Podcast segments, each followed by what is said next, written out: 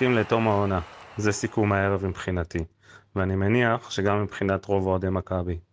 ברור שתמיד עדיף לנצח, בטח ניצחון ראשון העונה על מכבי נתניה. הרבה אין מה לקחת מהמשחק הזה, ובכל זאת אני בטוח שיהיה מה לומר. בואו נתחיל. פרימו ערב טוב. היי, מה העניינים? היי, מה העניינים? מצוין. מיכאל ערב טוב. עוד מעט נעלה עוד כמה... מיגל. טוב, אני לא חושב שהמשחק חלש. מה זה משחק חלש? מה, אם זה משחק חלש, אז כל הליגה שלנו היא 0-1 גדול. היה משחק, היה קצב. היו דקות לפה, לפה. אני יצאתי מבואס לאללה, כי היו דקות במשחק שמכבי תל אביב לא נגעו בכדור, וזה אכזב אותי מאוד שהם לא ניצלו את זה. כי היום ההתקפה של נתניה ממש לא הייתה טובה, אתה יודע, גויגון וטועמאסים הם לא בכושר הפקעה טוב, בכושר בישול טוב, אז קשה מאוד לנצח, זה מה שקרה היום.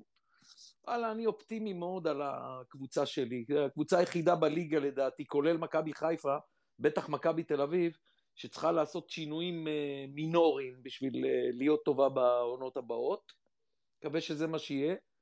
לגבי מכבי תל אביב, אני לא יודע, אנחנו חוזרים ומדברים uh, כל הזמן על העניין הזה, ניצחו. רגע, שנייה, שנייה לפני מכבי תל אביב, עד שגל מתחבר, אני רוצה רגע לשאול אותך על מכבי נתניה, uh, מי אתה לוקח היום מהמשחק של מכבי נתניה? כי הקבוצה עצמה כקבוצה לא הייתה במשחק שיא, אבל כן היו שחקנים שהצליחו להתעלות על עצמם.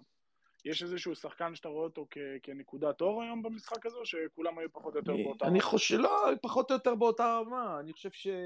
אני גם מחלק את שתי המחציות, כי הייתה ירידה במחצית השנייה, אז במחצית הראשונה נתניה שלטה, אז אם היא שלטה, אז כמובן שקרצה ואביב אברהם וגויגורן היו בסדר, כי רוב הזמן הכדור היה ברגליים של נתניה. אם אני לא טועה, זה היה 57-43 לפי הטלוויזיה במחצית הראשונה. אבל לא, עזוב, זה שטויות, קבוצה מפסידה, גם שהיא לפעמים יותר טובה, פחות טובה, הפסידה, הלאה, מסתכלים קדימה, כל המטרה היא מקום רביעי, אני מקווה שהם ינצחו בסכנין ביום שלישי, ייכנסו למקום הרביעי וישמרו אותו.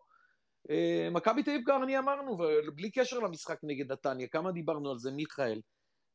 יותר מדי שחקנים, זה לא, לא ביכולת של מכבי תל אביב, הפתיע אותי מאוד שקניקובסקי לא שיחק היום, זה בדיוק השחקן שהיה חסר למכבי תל אביב, להעביר מהגנה להתקפה, מה שלא היה לה, אי אפשר לבנות על גלאזר, שחקן שיבשל פס אחד לגול, גלאזר זה תיקולים, גליצ'ים, זה הכל, אין לה את השחקן הזה, ש... כי גולסה אמור היה לעשות את התפקיד של קניקובסקי, וגם היום הוא לא היה טוב. מכבי תל אביב בבעיה גדולה, כי מכבי תל אביב צריכה להחליף הרבה מאוד אה, שחקנים, זה לדעתי. טוב, פרימו, בוא, פרימו, אני חזרתי, בוא נדבר על המשחק שלי. כן. קרסטייץ' לא, עזר לקבוצה לנצח את המשחק בלשון המעטה, כן? אבי ריקן פתח בימין, אילון אלמוג פתח בעמדת העשר, יובנוביץ' באגף שמאל, תשמע, זה, היה שם סוג של סלט. אני אגיד לך משהו, אני אגיד לך משהו. אפשר, שנייה אחת פרימו, שנייה אחת. אפשר היה לעשות את זה הרבה הרבה יותר פשוט. אתה יודע שכל שחקן ישחק בעמדה שלו. אבי ריקן יכול לשחק באחורה במקום גולסה וגולסה בעשר או הפוך. אילון אלמוג זה אולי שחקן ש, ש, ש, שיכול לשחק ב, ב, בימין, נגיד, למרות שהמקום שלו בשמאל. יכל לעשות קצת יותר כדי, לעשות, כדי לעזור לקבוצה לנצח את המשחק, הוא לא עשה את זה. כן. אני אגיד לך רק דבר אחד, כל התפקידים שאמרת, אז הם דומים. זה 10, זה 11, זה 8, אז הכל דומה. כשאתה מביא את החלוץ המרכזי הכי טוב בליגת העל, ולדעתי יובנוביץ' הוא החלוץ המרכזי, התשע הכי טוב בליגת העל, אם אתה קונה תשע בשני מיליון יורו, אז אתה שם אותו תשע. תשע טוב הוא 11 בינוני. 11 צריך לרדוף אחרי המגן שלו, וקונסטנטין כל הזמן עלה למעלה והיה לבד, כי זה התפקיד של יובנוביץ' לרדוף אחריו. תשמע, שחקן מספר תשע בכל העולם, הוא לא הולך לשחק בצד שמאל ורודף אחרי המגן. שחקן קיצוני שמאלי, הוא גם צריך להוציא כדורי רוחב טובים, צריך לקחת מרגל ימין ולבעוט ל... ל... תשמע, טעות גדולה, זו הטעות הגדולה של קרסטייט, שהוא רוצה ששניהם ישחקו. אז אם שניהם היו משחקים ב-4-4-2, שני שפיצים, מה ששיחקו באנגליה לפני הרבה שנים, אז זה בסדר גמור. אבל לשים אותו קיצוני שמאלי, בוא'נה, כי אתה לוקח את התשע הכי טוב בארץ, אתה עושה אותו 11 בינוני, זה לא מובן לי. זה, זה, מכל... וגם גם אבי ריקן פרימו, גם אבי ריקן לא משחק בתפקיד שלו. אוקיי? תשמע, אז, אני... אז אתה, אתה משחק עם שלושה, שלושה מתוך 11 שחקנים שלא משחקים נכון, בתפקיד שלהם. אבל שאני ראיתי... אתה לא עוזר לקבוצה לנצח. נכון, כשאני ראיתי את ההרכב וראיתי באמת שאילון אלמוג וריקן פותחים, אז מטבע הדברים גם ראיתי שחוזז וטל בן חיים לא בסגל. זאת אומרת, אתה מבין כמה, כמה קרסטייץ' מחזיק מהקיצונים שלו, אז כל הזמן יש שם שינויים. אבל אני אומר לך עוד פעם, אין הבדלים גדולים אם אילון פה וריקן שם, וקניקובסקי פה וגולסה שם. באמת שאין הבדלים גדולים. לא, לא, לא, פרימו, במקרה הזה, במקרה הזה אביריקן לא יכול לשחק בצד ימין. אלון אלמוג לא יודע לשחק מתחת לחלוצים, הוא יודע, אבל הוא פחות טוב, אתה יודע. ואחי... אז שוב אני חוזר, שלוש... זה מאוד משמעותי, זה כמו שעכשיו גויגון, אני לא יודע, אתה תרכיב אותו בתור תשע, אני מנסה לעשות הקבלה לנתניה. בוודאי שהיית מתרעם על זה. ברור, אבל, אבל הכי בולט זה יובנוביץ' אה, בצד. זה הכי בולט, כי הוא השפיץ הכי טוב בליגה. באמת, יש לי... אבל זה כבר כמה משחקים ככה. זה, אז זה לא... לא איזה משהו שקרה רק... אז, אז המאמן לא פוגע ב-11 שלו. כשאני אמרתי... ואגב, גם פריצה. כשאני אמרתי לכם הראשונה... לפני כמה שבועות שמכבי תל אביב תהיה טובה אם רק אחד מהם ישחק. הם שתי תשיעיות, אין מה לעשות. אם אתה רוצה את שניהם על המגרש, אז שניהם באמצע. אתה לא יכול לשים אחד מהם בצד, זה לא מתאים. לא מתאים. אתה יודע מה, טל בן חיים, כמה שהוא בשנה לא טובה? הוא עדיף קיצוני שמאלי מיובנוביץ', אין מה לעשות. אנחנו, אנחנו, אנחנו ראינו את זה גם בשבוע שעבר נגד סכתין, שהוא נכנס לכמה דקות והגיע לכמה מצבים, מצב אחד מצוין. נכון, אני אומר, אני אומר, גם טל בן חיים שהוא לא בעונה טובה, אבל בתפקיד הזה הוא טוב מיובנוביץ'. יובנ... תשמע, תשאל את אלון מזרחי, שיה פייגנבום, כל התשיעיות שהיו. אין, תשע זה רק תשע, אתה לא יכול להזיז אותם. שחקנים ורסטיליים כמו גויגון, קניקובסקי, אתה יכול פעם בצד הזה, פעם מתחת, פעם שמונה, פעם עשר, אין בעיה, הם יעשו את זה. ויעשו את זה גם לא רע, הם שחקנים טובים. תשע נולד תשע, הוא יוצא מהבטן של האימא גולר. ובזה ניחן יובנוביץ', ועל זה שמו עליו שני מיליון יורו, רק על המספר תשע, לא על שום דבר אחר.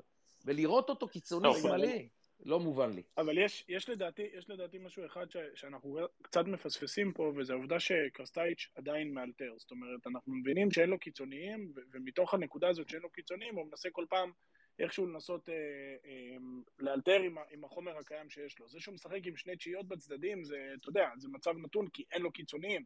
אז הוא מנסה להסיט אותם לצד, כי, כי גם הקיצוניים שמשחקים לא, לא משחקים בתפקיד. הרי היה אה, במחצית הראשונה, לקראת סוף המחצית, היה שלב שהיו שלושה שחקנים, בסוף מי שקיבל את הכדור היה ג'רלדש עם הפנים לשער, אבל היו שם ריקן, היה שם יובנוביץ' והיה שם אלמוג.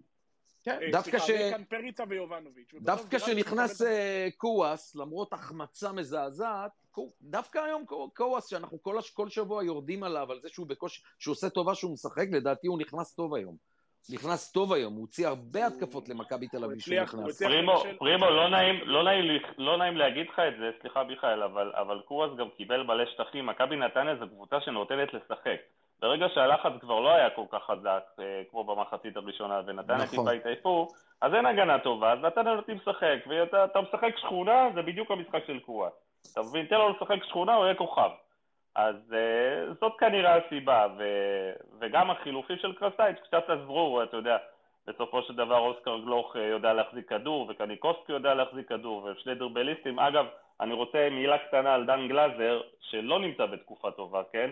וגם אחרי המכה שהוא חטף, אני מדבר כרגע אה, על קרסייץ', אתה רואה שכל מסירה כמעט הוא מוסר למכבי נתניה. תוציא אותו. אז הוא לא רוצה לתת. מה זה לא רוצה לתת? תוציא אותו, השחקן לא מתפקד, הוא לא טוב. שזה גם משהו לגדותו של אה, אה, מלאדן קרסטייץ'. פה אני חושב שההסבר היחיד לזה, שאין למכבי תל אביב שש מחליף. זה ההסבר היחיד. יכול לעלות עם שמיר. גולסה יודע לשחק יופי של שש, הוא יכול לשחק. לא יודע, אז כנראה קסטייץ' לא סומך על אף אחד בקבוצה, לא על שמיר ולא על גולסה שיעשו את השש. זה לדעתי ההסבר היחיד. כן. צירפתי את ארז בלפר. ארז, שבוע טוב. ארז איתנו? טוב, ארז אוטוטו כן, כן, שבוע טוב. כן. אני, בדיוק הרמתי לך להנחתה, מה שלומך ארז? בסדר גמור. איפה אתה היום? תזכיר לנו, אה, היית בכפר קאסם, אה, עוזר מאמן נס ציונה. אה, היום אתה נזכרת אנשים, נכון? נבחרת נערות, כן, בבית, כרגע כן. טוב, נקווה לראות אותך איתנו. בוא, בוא נדבר, פרימו אמר שאין למכבי שש. אז אני אמרתי שגולסה כן יכול לשחק שש, מה אתה חושב על זה? אני חושב שנגד מכבי נתניה, אולי אפילו היה עדיף לשחק עם גולסה כשש או עדן שמיר, כי בגלל שנתניה עושים לחץ מאוד מאוד גבוה, אתה חייב מישהו שקצת יעזור בהנעת כדור, ולגלאזר יש את הבעיה הזאת. אני חושב שדווקא כשהוא יצא, טיפה היה קצת יותר קל למכבי לצאת מהלחץ, אמנם זה כבר היה לקראת הסוף, נתניה אולי כבר היו גם קצת עייפים, אבל אני חושב שכן היה אפשר לחשוב על, אה, על פתרון כזה. אוקיי, ואיך נראה לך הפתיחת משחק של מכבי, ההרכב של קרסטייץ'? דיברנו ששלושה שחקנים לא שיחקו בעמדות שלהם. תשמע, אני חושב שמכבי חצי ראשון היו מאוד מאוד מביכים, ממש, אני לא זוכר את מכבי הרבה שנים ככה. מכבי נתניה פשוט עלתה עליהם בכל פרמטר. אה, וכן, ריקן כנף ימין, ויובנוביץ' כנף שמאל, ואילון בעשר, זה לא נראה טוב. אני חושב שהרעיון מאחרי זה היה כאילו ניסיון לדלג על הלחץ לכיוון אה, פריצה ויובנוביץ', אבל אה, גם אם, היה, גם אם זאת הייתה המחשבה, זה לא, זה לא הצליח בכלל וזה נראה מאוד רע. ומה קרה בחצי השני? אה, שמע, שוב, מכבי הפקיעו גול בפנדל, שוב, פנדל שהיה לטובת מכבי, היה גם נתניה חצי ראשון. לא יודע אם דיברתם על זה קודם, אבל זה היה צריך להיות פנדל גם כן. לא, לא, עוד לא. אה, אוקיי, וספגו ישר את הגול השני ממש מהר, אה, אבל עוד פעם, מכבי נתניה, מכיוון שהם ממש לוחצים גבוה ולוחצים בכל מחיר, ברגע שאתה תצליח להעביר 2-3 פסים ולדלג, אתה תגיע עם uh, יתרון מספרי, או ב- לפחות ב- באותו מספר שחקנים להתקפה. אבל זה נכון גם היה... לגבי המשחקים מול מכבי חיפה. כי גם מכבי חיפה לא משחקת הגנתי מדי.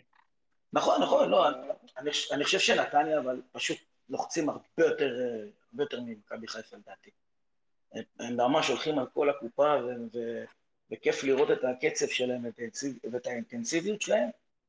ושוב, אם אתה מגיע מוכן ועם השחקנים הנכונים, אתה יכול גם להעניש אותם. ושני הגולים, אם אני לא טועה, היו ככה. בטח ובטח המהלך של הפנדל הראשון. של הפנדל. היה בדילוג של, אה, אם אני לא טועה, זה היה דניאל פרץ לאילון אלמוג, וכך הגיע השער. בניגוד מוחלט, אגב, למשחק שהיה בנתניה, שבו מכבי נתניה לחצה את אה, דניאל פרץ מאוד מאוד גבוה, וההוראה של קרסטייץ' הייתה לא לבעוט כדורים ארוכים. עד בערך אה, תחילת המחצית או משהו כזה, עד סוף המחצית הראשונה. זאת אומרת, נראה שמכבי תל אביב, לפחות הצד האנליסטי שבה, כן עשה את העבודה ואת ההכנה הנכונה למשחק הזה, וצפה שזה מה שיקרה. אז איפשהו במובן מסוים נראה שקרסטייץ' כן התכונן לתרחיש הזה. אמ, לעומת בן אילן, שניסה את אותה שיטה, וזה לא עבד לו. אני, אני בטוח שהם התכוננו, אתה ראית גם את ה...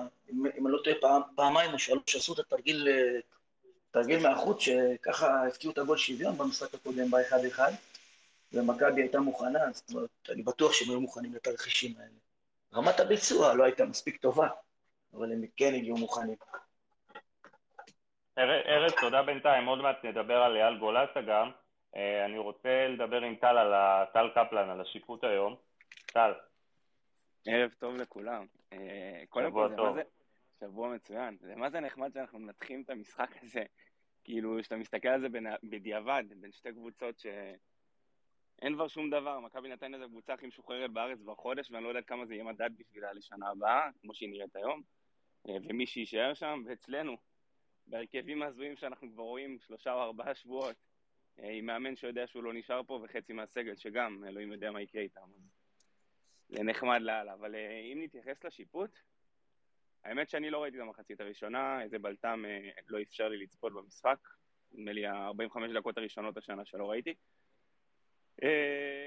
וראיתי את התמונות, וראיתי את הטוויטר, וראיתי מה התחילו לעלות, ואני על סמך תמונה שרואה לא יכול לקבוע ולא יכול לדעת ולא יכול לנתח מקצועית ממקום אובייקטיבי שלי. אה, ואז התחלתי לראות את הוידאו. אה, ולמכבי נתניה חד משמעית הגיע פנדל אה, מחצית ראשונה. נגיעת יד של גלאזר, גלאזר הולך עם היד באופן פתוח לגוף, היה לו מספיק זמן, מה שנקרא, להזיז את היד או להתכונן או למנוע מהכדור לפגוע ביד שלו, והוא לא עשה את זה, ולכן היה חייב להישרק שם פנדל. וזה דומה מאוד לאירוע שהיה למכבי בדרבי, למי שזוכר, שגם שם לא קיבלנו פנדל. אה, ויש בעיה מאוד גדולה עם האחידות של השופטים אה, שלנו, וזה לא חדש לנו.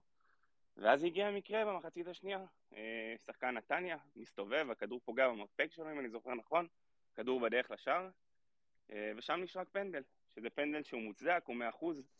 דיברתי על זה לפני שבוע, לפני שבועיים, שהיה מקרה דומה, אני לא זוכר, באחת הליגות הגדולות, נדמה לי באיטליה, ושחקן שגם מסתובב עם המרפק, הכדור הלך לשער וגם שם נשרק פנדל. אה, וזה מחזיר אותנו שבוע אחד אחורה למשחק בסכנין. אם פה נשרק פנדל, למה בסכנין לפני שבוע לא נשרק לנו פנדל? אה, ואם אנחנו עדיין מחכים אה, לדוחות ביקורת או להחלטות הוועדה המקצועית מחצי גמר הגביע או מהדרבי או לא משנה מאיזה משחק, אז פתאום האיגוד משחרר הודעה במחצית המשחק שאנחנו נכנסים, נחשפים אליה, בין אם היא הודעה רשמית או לא הודעה רשמית. לא, זה חשוב, זה חשוב. פרימו זה הודעה רשמית? מה? ההודעה של איגוד השופטים היא הודעה רשמית? לא, לא, זה, זה פשחצקי דיבר אוקיי. עם מישהו, מה, מישהו מהשופטים, לא רשמית, מה פתאום? אה, רגע, שנייה, טל, אני רוצה רגע לעצור אותך ולהתאגב שנייה על מה שפרימו אמר, כי כן, זה חשוב. כן. תראו, פרימו, אתה שחררת את ההודעה הזאת כאילו הייתה איגוד השופטים, וזה טוב שאתה עכשיו עושה את ההעברה הזאת. אבל, גם מחר בבוקר שאיגוד השופטים ידבר, הרי הוא לא ידבר בשם מישהו בודד, אלא ידברו בשם איגוד השופטים.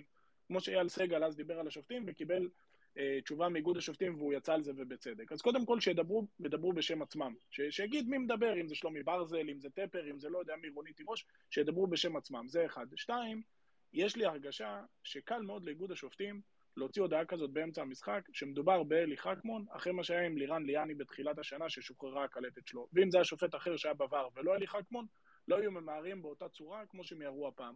כשזה נוח להם, הם יכולים לעשות מה שהם רוצים בדקה וחצי. זה שופטים ספציפיים, לא להם, מיכאל, אתה צודק. בדיוק, נכון, בדיוק. אם תלכו אחורה ותבדקו... פרימו, פרימו קצת מכיר, פרימו, פרימו קצת מכיר את איגוד השופטים, פרימו תגובתך. לדעתי, אם אתה שואל אותי, אני עושה אחד ועוד אחד שחצקי דיבר עם טבריזי. כי טבריזי זה אחד שישר נותן את החוות דעת שלו. מכל הפעמים שקראו לי, כל, כל הזמן הוא נתן את החוות דעת שלו, הוא לא התבייש. כן רשמי, לא רשמי, הוא אומר ישר. כמו שהוא אמר לי אחרי המשחק בטדי, עם הרחקה של חוזז, אתם זוכרים את הפדיחה שהייתה שם? אז גם מיד אחרי המשחק הוא אמר לי את הדברים, וזה גורם. זה גורם, זה לא פקיד של איגוד השופטים. טבריזי הוא גורם, ואם פשחצקי שציטט אותו, זה בסדר גמור. זה, לא, זה, לא, זה בסדר ולא בסדר. כמו שקודם כל זה בסדר שפשיחצקי מוציא את זה, וזכות הציבור לדעת, והוא עיתונאי, ועבודתו לעשות את זה, ולהוציא לציבור את מה שהציבור צריך לקבל, נכון.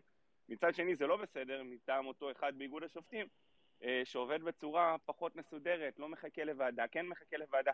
אני תכף אגיד בדיוק את הדעה שלי, מה צריך לקרות בעצם היום, אה, ופשוט מוציא הודעה כזאת ש... אי אפשר לעשות איתה שום דבר. היא לא באמת משמשת, אף אחד לא לומד ממנה, אף אחד לא ישתמש בה בעתיד, וזה לא מביא שום דבר לא למכבי נתניה, לא למכבי תל אביב, ולא לאיגוד השופטים, ובטח לא לקהל בבית. אה, אבל אנחנו בשנת 2022, אה, אוטוטו אנחנו מסיימים עונה ומתחילים עונה חדשה.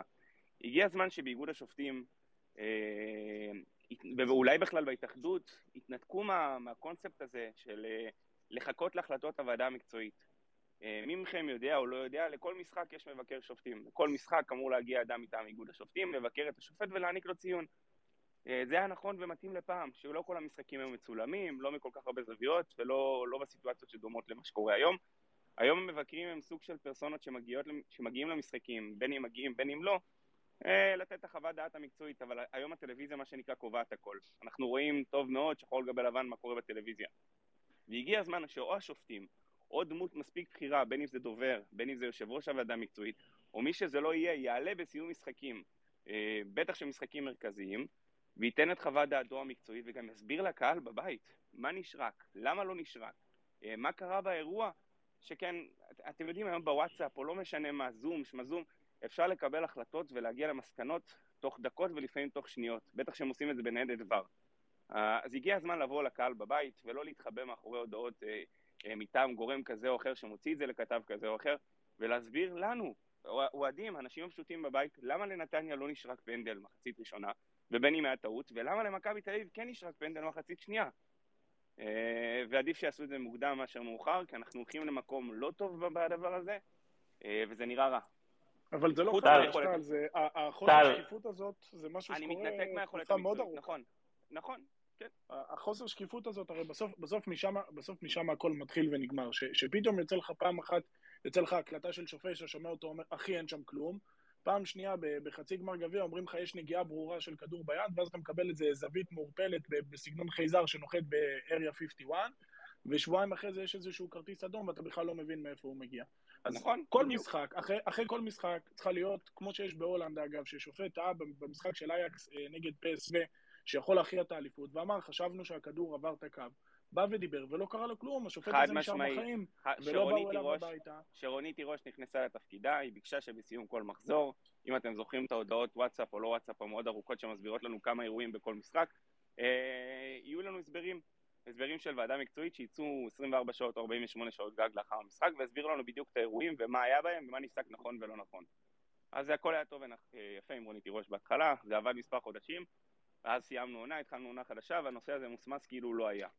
אה, טוב, טל, טל, אתה- נמצא פה אה, כדי לדבר על שיפוט, אז אני ככה כן. אסטה, ואני אני אעבור למשחק של אה, באר שבע נגד מכבי חיפה. למה מצלמות עבר לא התערבו בערכה של עומר אצילי?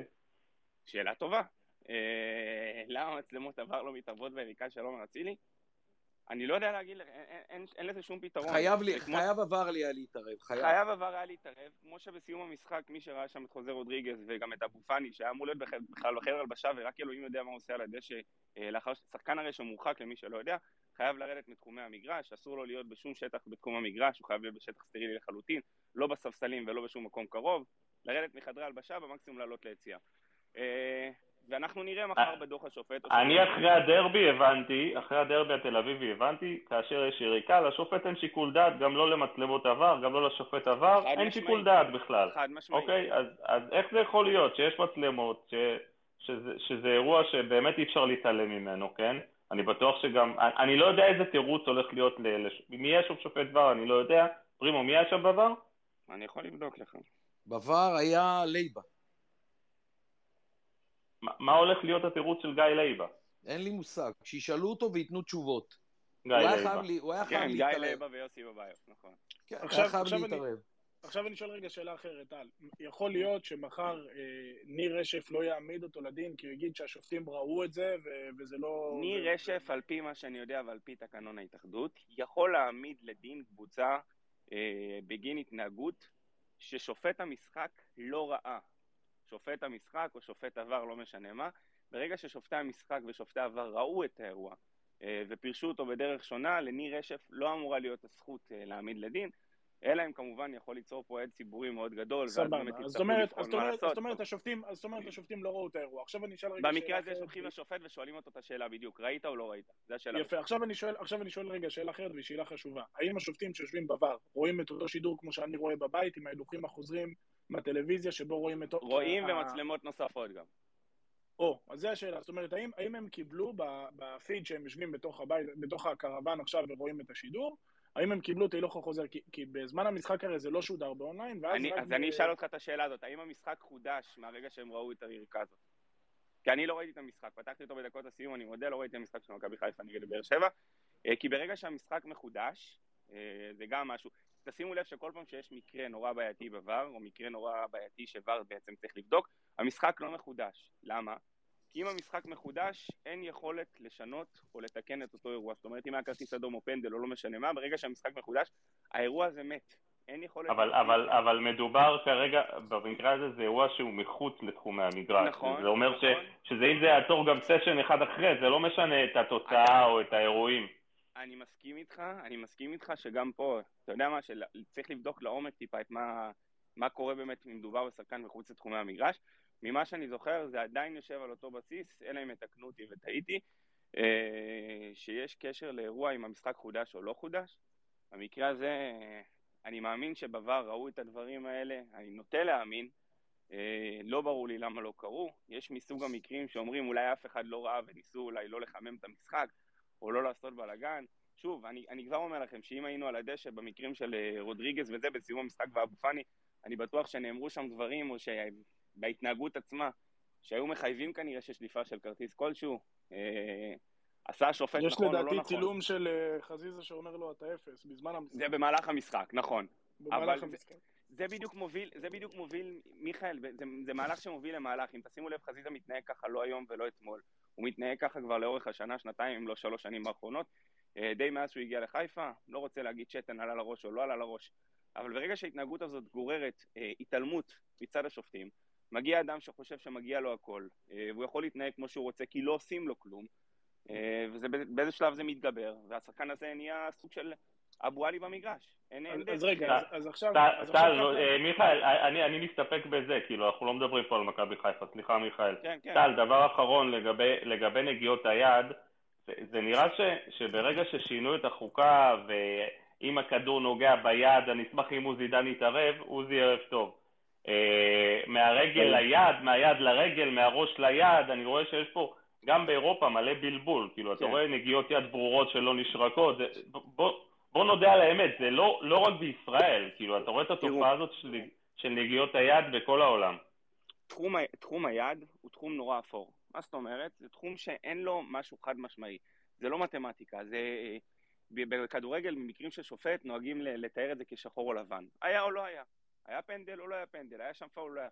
התחום של היד הוא תחום שכולל המון המון מרכיבים. כשאתה בא לבחון אם היה יד, אתה צריך לשאול את עצמך המון שאלות באותה שנייה שאתה בא להכריע. אה, האם מיקום היד היה טבעי? האם השחקן יכל להתעלם או יכל למנוע את נגיעת היד? האם היה מספיק מרחק בין הכדור לשחקן? מה היה עוצמת הבעיטה של הכדור? יש המון שאלות אה, לאיזה כיוון הכדור הלך, האם הוא הלך לכיוון השער, האם הוא הלך לכיוון הרוחב. אה, יש המון שאלות ששופט צריך לנתח ולשאול את עצמו במהלך הנגיעה עצמה. היום לשמחתו בגרשיים יש לו את הוואר הזה, יכול לתת לו כמה שניות נוספות. אה, באמת שהכדור פוגע באחד מאיברי הגוף וקופץ ליד, לא אמורה להישרק עבירת יד, אלא אם זה משהו שהכדור קפץ, אתם יודעים, במהירות מאוד איטית, והשחקן מה שנקרא הרים את הכדור, הוא ממש השתמש ביד. אני לא יודע אם היה מקרה דומה של דוד זאדה נגד מכבי חיפה או משהו כזה לפני איזה חודש, אה, שזה הריח לי כן כפנדל, אבל אה, מה שחידדו אה, בעצם באותו תיקון שהיה לפני שנה, שנתיים, אה, אל תתפסו אותי בדיוק על הזמן, זה בעצם לאיזה כיוון הולך הכדור, ואם הכדור הולך לכיוון השער, מכיוון שוופא רוצה לעודד שערים, לעודד אה, שערים ולמנוע מה שנקרא אה, התנהגות לא ספורטיבית, אם הכדור הולך לכיוון השער, אין שיקול דעת, לא אמור להיות שיקול דעת ברגע שהכדור פוגע ביד השחקן המגן, ולכן אמור להישרק פנדל. מה שהיה היום בעצם עם אותו שחקן של נתניה שקפץ הפוך, כי איך שלא נסתכל על זה, אתם יכולים להסתכל על קפיצה טבעית, הוא לא באמת התכוון, הוא הסתובב, הכדור פגע במרפק, אתם יודעים, חלק שיותר קרוב אה, אה, לכתף, מה ש... ולכן היה, אה, על פי קריטריונים, קריטריונים מהעבר, להגיד שאולי אין מקום לשרוק פה. אבל uh, התיקונים כן, כן מחייבים אותנו לשרוק, ולכן הפנדל הזה נשרק. לא ברור לי כדורי הרוחב, uh, שוב, מהדרבי ומכדורי הרוחב היום שפגע לגלאזר ביד, לא ברור לי למה לא נשרק. אין שום סיבה ושום תירוץ שבעולם שיכול uh, למנוע שריקות כאלה, וזה טוב, חוסר יחידות. עוז- עוזי, יש לך מה להוסיף בקשר לנגיעות יד לפני שאנחנו חוזרים למשחק? תראו, קודם כל, אה, כמו שטל אמר, יש המון המון בעיות, החוקה, אה, מנסים כל הזמן להבעיר ול- ולבאר ולהוסיף אה, אה, לחוקים עצמם, להוסיף אה, הבהרות, וזה רק, אה, אה, ועושים כל שנה, שנתיים לשופטים אה, אה, השתלמויות, וזה רק מסבך. החוק, נכון ל-2021, החוק פעם אחרונה, חוק 12 של חוקת הכדורגל, שמתעסק בכדור אה, ב- ביד, אה, שונה פעם אחרונה ב-2021. החוק אומר אה, ככה, אם שחקן נוגע ביד בכוונה, בזה, זה ברור, זאת אומרת, זה, זה, אנחנו, זה ברור.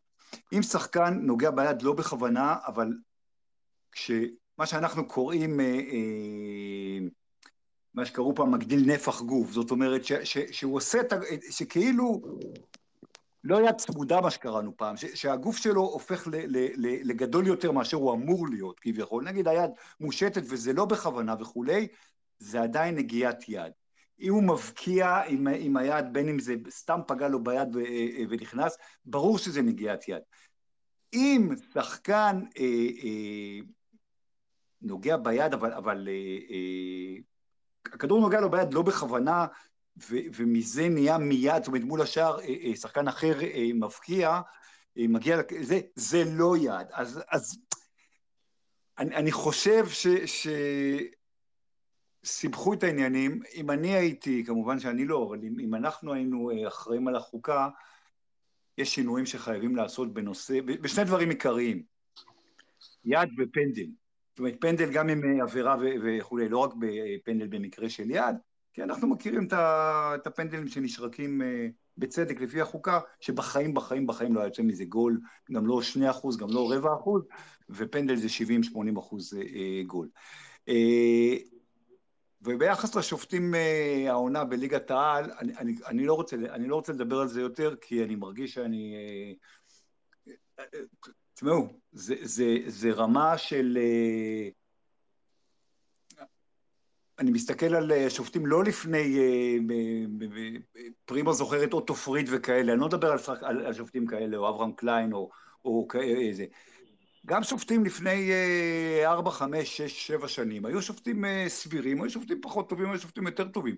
מה שקורה עם השיפוט, אה, ואומרים אנשים שמכירים את, את הצעירים יותר, ש, ש, שבנוער, שבליגות הנמוכות, המצב עוד יותר גרוע, שאין שופטים מספיק טובים שיגיעו אה, לקאדר של ליגת העל. אה, איגוד השופטים צריך לעשות, לא יודע, אולי ללכת להשתלמויות ביורוליג, אני לא יודע מה להגיד לכם, אבל, אבל, אבל השיפוט באמת השנה, אתם יודעים מה, הדבר המרכזי בסיכום העונה בליגת העל זה לא היכולת הטובה או הלא טובה של מכבי חיפה שתהיה אלופה, די מאכזבת, אבל היא הרבה יותר טובה מאיתנו ומהפועל באר שבע בסופו של דבר. זה אפילו לא העונה שלנו, זה השיפוט. אבל אני חושב שעליה אנחנו צריכים לדבר בסוף העונה. איך התרשמת ממכבי עוזי? א', היינו גרועים, ב' היינו צריכים לנצח את המשחק הזה הרבה יותר כי נתניה היו אה, אה, איומים ונוראים. אה, וקצת קשה, קצת קשה במשחק הזה, זאת אומרת, אם היה עוד איזשהו סיכוי, זאת אומרת, המשחק הזה היה לפני כמה שבועות, או, או עם, או עם השש נקודות שיש עכשיו, היו לפני המשחק, ופתאום זה היה יורד...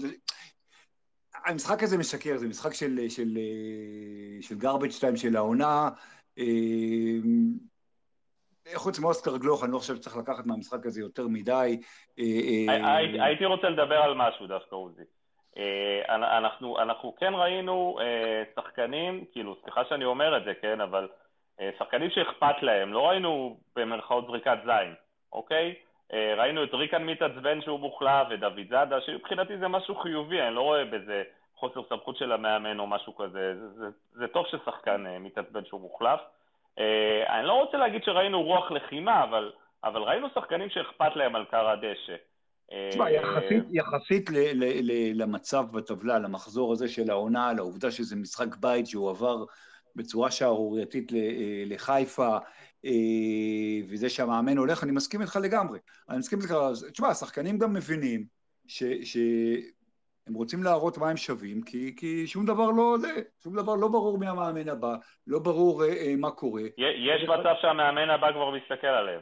בדיוק, בדיוק, ו- וכל אחד רוצה להראות, זה, זה הכי טבעי בעולם, אז מהבחינה הזאת אני מסכים איתך לגמרי. אני, חו... אני חושב שגל נגע פה בנקודה, מתי ראית שחקן של מכבי תל אביב אה, מוחלף ומתעצבן? אתה רואה לא, לא, אתה יודע. זה, זה מאוד בולט, זה בולט, כי, כי המאמן הוא לא, הוא לא מחזיק ממנו. אוקיי, פרימו, אתה, אתה מסתכל על, ה, על, ה, על, ה, על, על החלק הזה של אולי הסמכות של המאמן, אולי... אני מסתכל כן. על, על, על הצד השני, אכפתיות של שחקן, אתה יודע. שחקן שהוא אפאתי ולא אכפת לו והכל, אז הוא יוצא ויאללה. על הזין שלי. ושאיביץ' היה מחליף שחקן, השחקן גם היה עצבני שהוא החליף אותו, אני, אבל... אני, אני, פרימו, אני, אני, אני לא, אני לא אה, שללתי את הטיעון שלך, אני אמרתי שאני בוחר להסתכל על זה בצורה שונה, לא שללתי את הטיעון שלך. בסדר. זה ששחקן מתעצבן, ברור שהוא רוצה להישאר על המגרש, אבל המאמן רואה דברים בצורה אחרת. וברגע שדוד זאדה וריקן ככה עושים, אתה מבין שזה לא, לא המאמנים שהיו במכבי תל אביב, שכל מי שהיה מוחלף יורד כמו טאטאלה, לזה אני מתכוון. אבל כבר ראינו, אבל כבר ראינו שחקנים שעולים בלי חשק, בסיום עונה, ולא אכפת להם, ומוחלפים, ולא מראים שום דבר, גם אם המאמן לא סמכותי. ופה אנחנו כן ראינו שחקנים שרוצים לנצח, שאכפת להם שהם מוחלפים, כאילו רוצים להישאר על קר הדשא.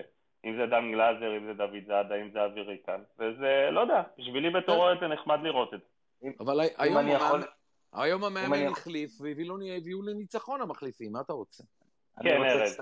אני רוצה להצטרף לפרימו בקטע הזה, אני לא חושב שזה זה חוסר כבוד. אתה רוצה להראות שאתה רוצה לשחק, אז תראה את זה על המגרש, לא בחילופים כשמחליפים אותך בתנועות ידיים. לטעמי לא מכובד בכלל. לא, לא, אני גם חושב שזה לא מכובד, שלא תבינו לא נכון. אני פשוט, אתה יודע, כאילו, אני רוצה שלשחקנים יהיה אכפת, ואם זה דרך, דרך החילוף הזה, אני רואה לא, שלאדרי גם אכפת. שאלה, זה גם שאלה איך, איך שחקן אומרת, לפעמים שחקן מרגיש שהוא היה בסדר גמור, והוא לא כל כך מבין למה הוא התחלף, והחילוף אולי טקטי, זאת אומרת, השחקן פחות רואה, השחקן רואה את עצמו, אין מה לעשות, פחות רואה את מה שקורה על המגרש. ואחד כמו דוד זאדה, שבכלל לא בטוח לעונה הבאה, או אפילו אבי ריקן, שדיברנו על זה שלדעת רובנו הוא חייב להישאר, אבל זה לא ברור. רוצים להראות, אני, ביחד עם גל, אני מסכים לגמרי עם מה שגל אומר, זה לא... זה לא מראה, זה, זה מראה בשלב הזה של העונה, וגם זה לא שהם רבו עם המאמן, לא רצו לרדת, זה בסדר גמור. עדיף ככה מאשר שחקנים אפאתיים ושזורקים. טוב, בדיוק. תומר איתנו, חיכה בסבלנות. תומר. היי, ערב טוב, גל, ערב טוב לכולם. אה, טוב, אנחנו, אה, עוד משחק שאנחנו אה, די חוזרים על דברים, עוד פעם, הנושא של המערך שהמאמן הרכיב, ועוד פעם, הבזבוז של, אה, דיברתם על זה גם בתחילת הספייס, בזבוז של אה, אה, חלוצים שלא משחקים בעמדות שלהם וכולי. אני, מה שאני רוצה לגעת דווקא בהתייחסות למכבי נתניה, והבא סביבה, והכדורגל החיובי, והשמח, ובן עילם שמזכירים אותו כל הזמן. ואני רוצה לשאול אתכם אם זה באמת נראה לכם מוצדק, או שבסך הכל, כי לי נראה שנתניה כרגע מדורגת במקום שהיא uh, הטבעי שלה, שהיא ראויה לו, שהיא נמצאת בו על הנייר, מקומות 4, 5, 6. אתם חושבים שבן אילם שדרג אותה, קידם אותה מהבחינה הזאת? כי אני, אני באמת לא מצליח להבין מה, מה כל המהומה. אני ראיתי את הקבוצות הכי טוב... אז יש פה את מכבי נתניה, פרימו, כן. לא, אני, בסדר מה שהוא אומר, זכותו לראות מה שהוא רואה. אני רואה את מכבי תל אביב, באר שבע ומכבי חיפה, הקבוצות הכי טובות בארץ, אף אחת מהן לא מסוגלת לתת פס ליד הרחבה שלה. אם זה לא קבוצה מאומנת, אז תגיד לי אתה. תגיד לי, תגיד לי פעם אחת שמכבי חיפה, באר שבע ומכבי תל אביב הצליחו לעשות פסים בתוך הרחבה שלהם. תגיד לי. יכול להיות, אבל אני שואל אותך, פרימו, אתה, אתה חושב שמכבי נתניה אה, זה לא המקום הטבעי שלה, מקום חמישי, כאילו, זה לא, הרבה יותר... מקום, מקום רביעי זה הטבעי שלה, כי תמיד אני אומר שכסף... יפה, אז, אז, אז, אז חבר'ה, חבר'ה, מכבי אבל מה זאת אומרת? רגע, רק שנייה. מכבי נתניה השנה שעברה פלייאוף תחתון, השנה כשבן אילם הגיע, אם אני לא טועה, מקום אחרון או לפני אחרון. נכון, הייתה בתחתית. אי אפשר להגיד שבן אילם לא שדרג אותה. עכשיו, כתבתי משהו בטוויטר וקפצו עליי, כאילו... אה, מה ההצלחה? חבר'ה, אה, אני חושב שסוף סוף הנהלה לקחה אה, החלטה מחוץ לקופסה, חשבה קצת מחוץ לקופסה, ולא הביאו עוד פעם את אותם מאמנים שהיום הם פה ובעוד יומיים הם מפוטרים אחר. בדיוק, ווואלה, בא בן אילם, בא בן אילם, ושיחק כדורגל, ותוקף, ולפעמים הוא מקבל בראש, כמו נגד הפועל תל אביב, כי הוא הולך על כל הקופה, אבל בסופו של דבר, זה מכבי נתניה. מקום, בין מקום שלוש לשש, זה, המק... זה המקום הטבעי שלה. זה המקום שלה, והיא הקבוצה, חושב... והיא, והיא הקבוצה היחידה חושב... בהיסטוריה שבשבוע אחד נתנה 3-0 לשתי המועמדות לאליפות. היחידה. שבשבוע נתנה 3-0. בסדר, ומצד שני, מפסידים להפועל 2-0. נכון, אבל בסדר גמור, אבל אם... אני חושב שאתם מפספסים משהו מאוד אה, בולט. אוהדי כדורגל, עזבו, אנחנו אוהדי מכבי, פרימו אוהד נתניה וכולי. בן אדם שסתם יושב, אוהד כדורגל, לא משנה אם יש לו קבוצה, אין לו קבוצה, הוא רוצה לראות משחק, הוא רוצה לראות משחק יפה, הוא רוצה לראות משחק התקפי. בן עילם, מכבי נתניה וסכנין נמצאות באותו מקום, בערך אותו מספר הנקודות וכולי. סכנין, אתה לא יכול לראות את הכדורגל שלהם. מכבי נתניה, כיף לראות את הקבוצה. תנו לליגה עוד שמונה... כיף לראות את הקבוצה, תן ארבעה מאמנים כמו בן עילם בליגת העל, ויש לנו חגיגה. נכון, בדיוק. רק התקפי, רק לוחצת, בכל מגרש בארץ. לא כמו קורצקי וסילבס שבאים אליכם ומתגוננים עם עשרה, בוא. אז פרימו, הסיבה היחידה, הסיבה היחידה, שנייה מיכאל, הסיבה היחידה שאני באמת אה, אה, לא קוטל את המחמאות אה, למכבי נתניה ולבן אילן, ואני דווקא די מפרגן, זה הסיבה שאנחנו כל הזמן מתבכיינים על מימר וקורצקי וסילבס והכדורגל המכוער הזה, ואז מגיע בן אילם, באמת, שחק פתוח, פעם מנצח, פעם מפסיד. נכון, נכון נתניה לא היו הכי יציבים שבעולם, אבל זה ברכה לכדורגל. לא, אני מברך את אה, בן אילם, מבחינתי, שיפרגנו כמה שיותר. לא, אני רוצה רגע להרחיב את הדיון, אני רוצה רגע להרחיב את הדיון על בן אילם, כי אני חושב שזה הרבה מעבר לרק בן אילם. זה מתחיל קודם כל מאייל סגל, כי אייל סגל מביא למכבי נתניה גם את, אה, את אה, אלמוג כהן בתור מנהל מקצועי, שמצליח להביא לדוגמה את הוואמאסי, שחקן שאני לא יודע אם מישהו אחר מצליח להביא ודיברנו על זה. ואז הוא גם מביא את בן אילן, והוא מאפשר לו להיות בתוך השיגעון הזה. זאת אומרת, ברור שאייל סגל בתור בעלים של קבוצה רוצה לסיים במקום יותר גבוה, אבל אני לא חושב שאייל סגל נכנס יום אחרי המשחק, ופרימו מכיר את מכבי נתניה יותר טוב ממני, אז יכול להגיד אם אני מדבר שטויות או לא, אבל לא נראה לי שהוא דיבר עם בן עילם ביום המשחק אחרי הפועל תל אביב, או בערב המשחק, ונכנס בבן עילם בלמה לא שיחקנו יותר הגנתי.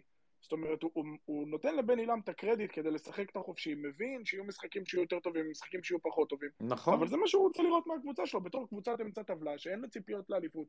אולי תצליח לקחת גביע, אולי תצליח להתברג באירופה איכשהו, בדרך לא דרך, ולגרד כמה שלבים. זה, זה מה שהוא יכול לעשות עם הכסף, הוא לא יכול להתחרות בגולדהר ובשחר.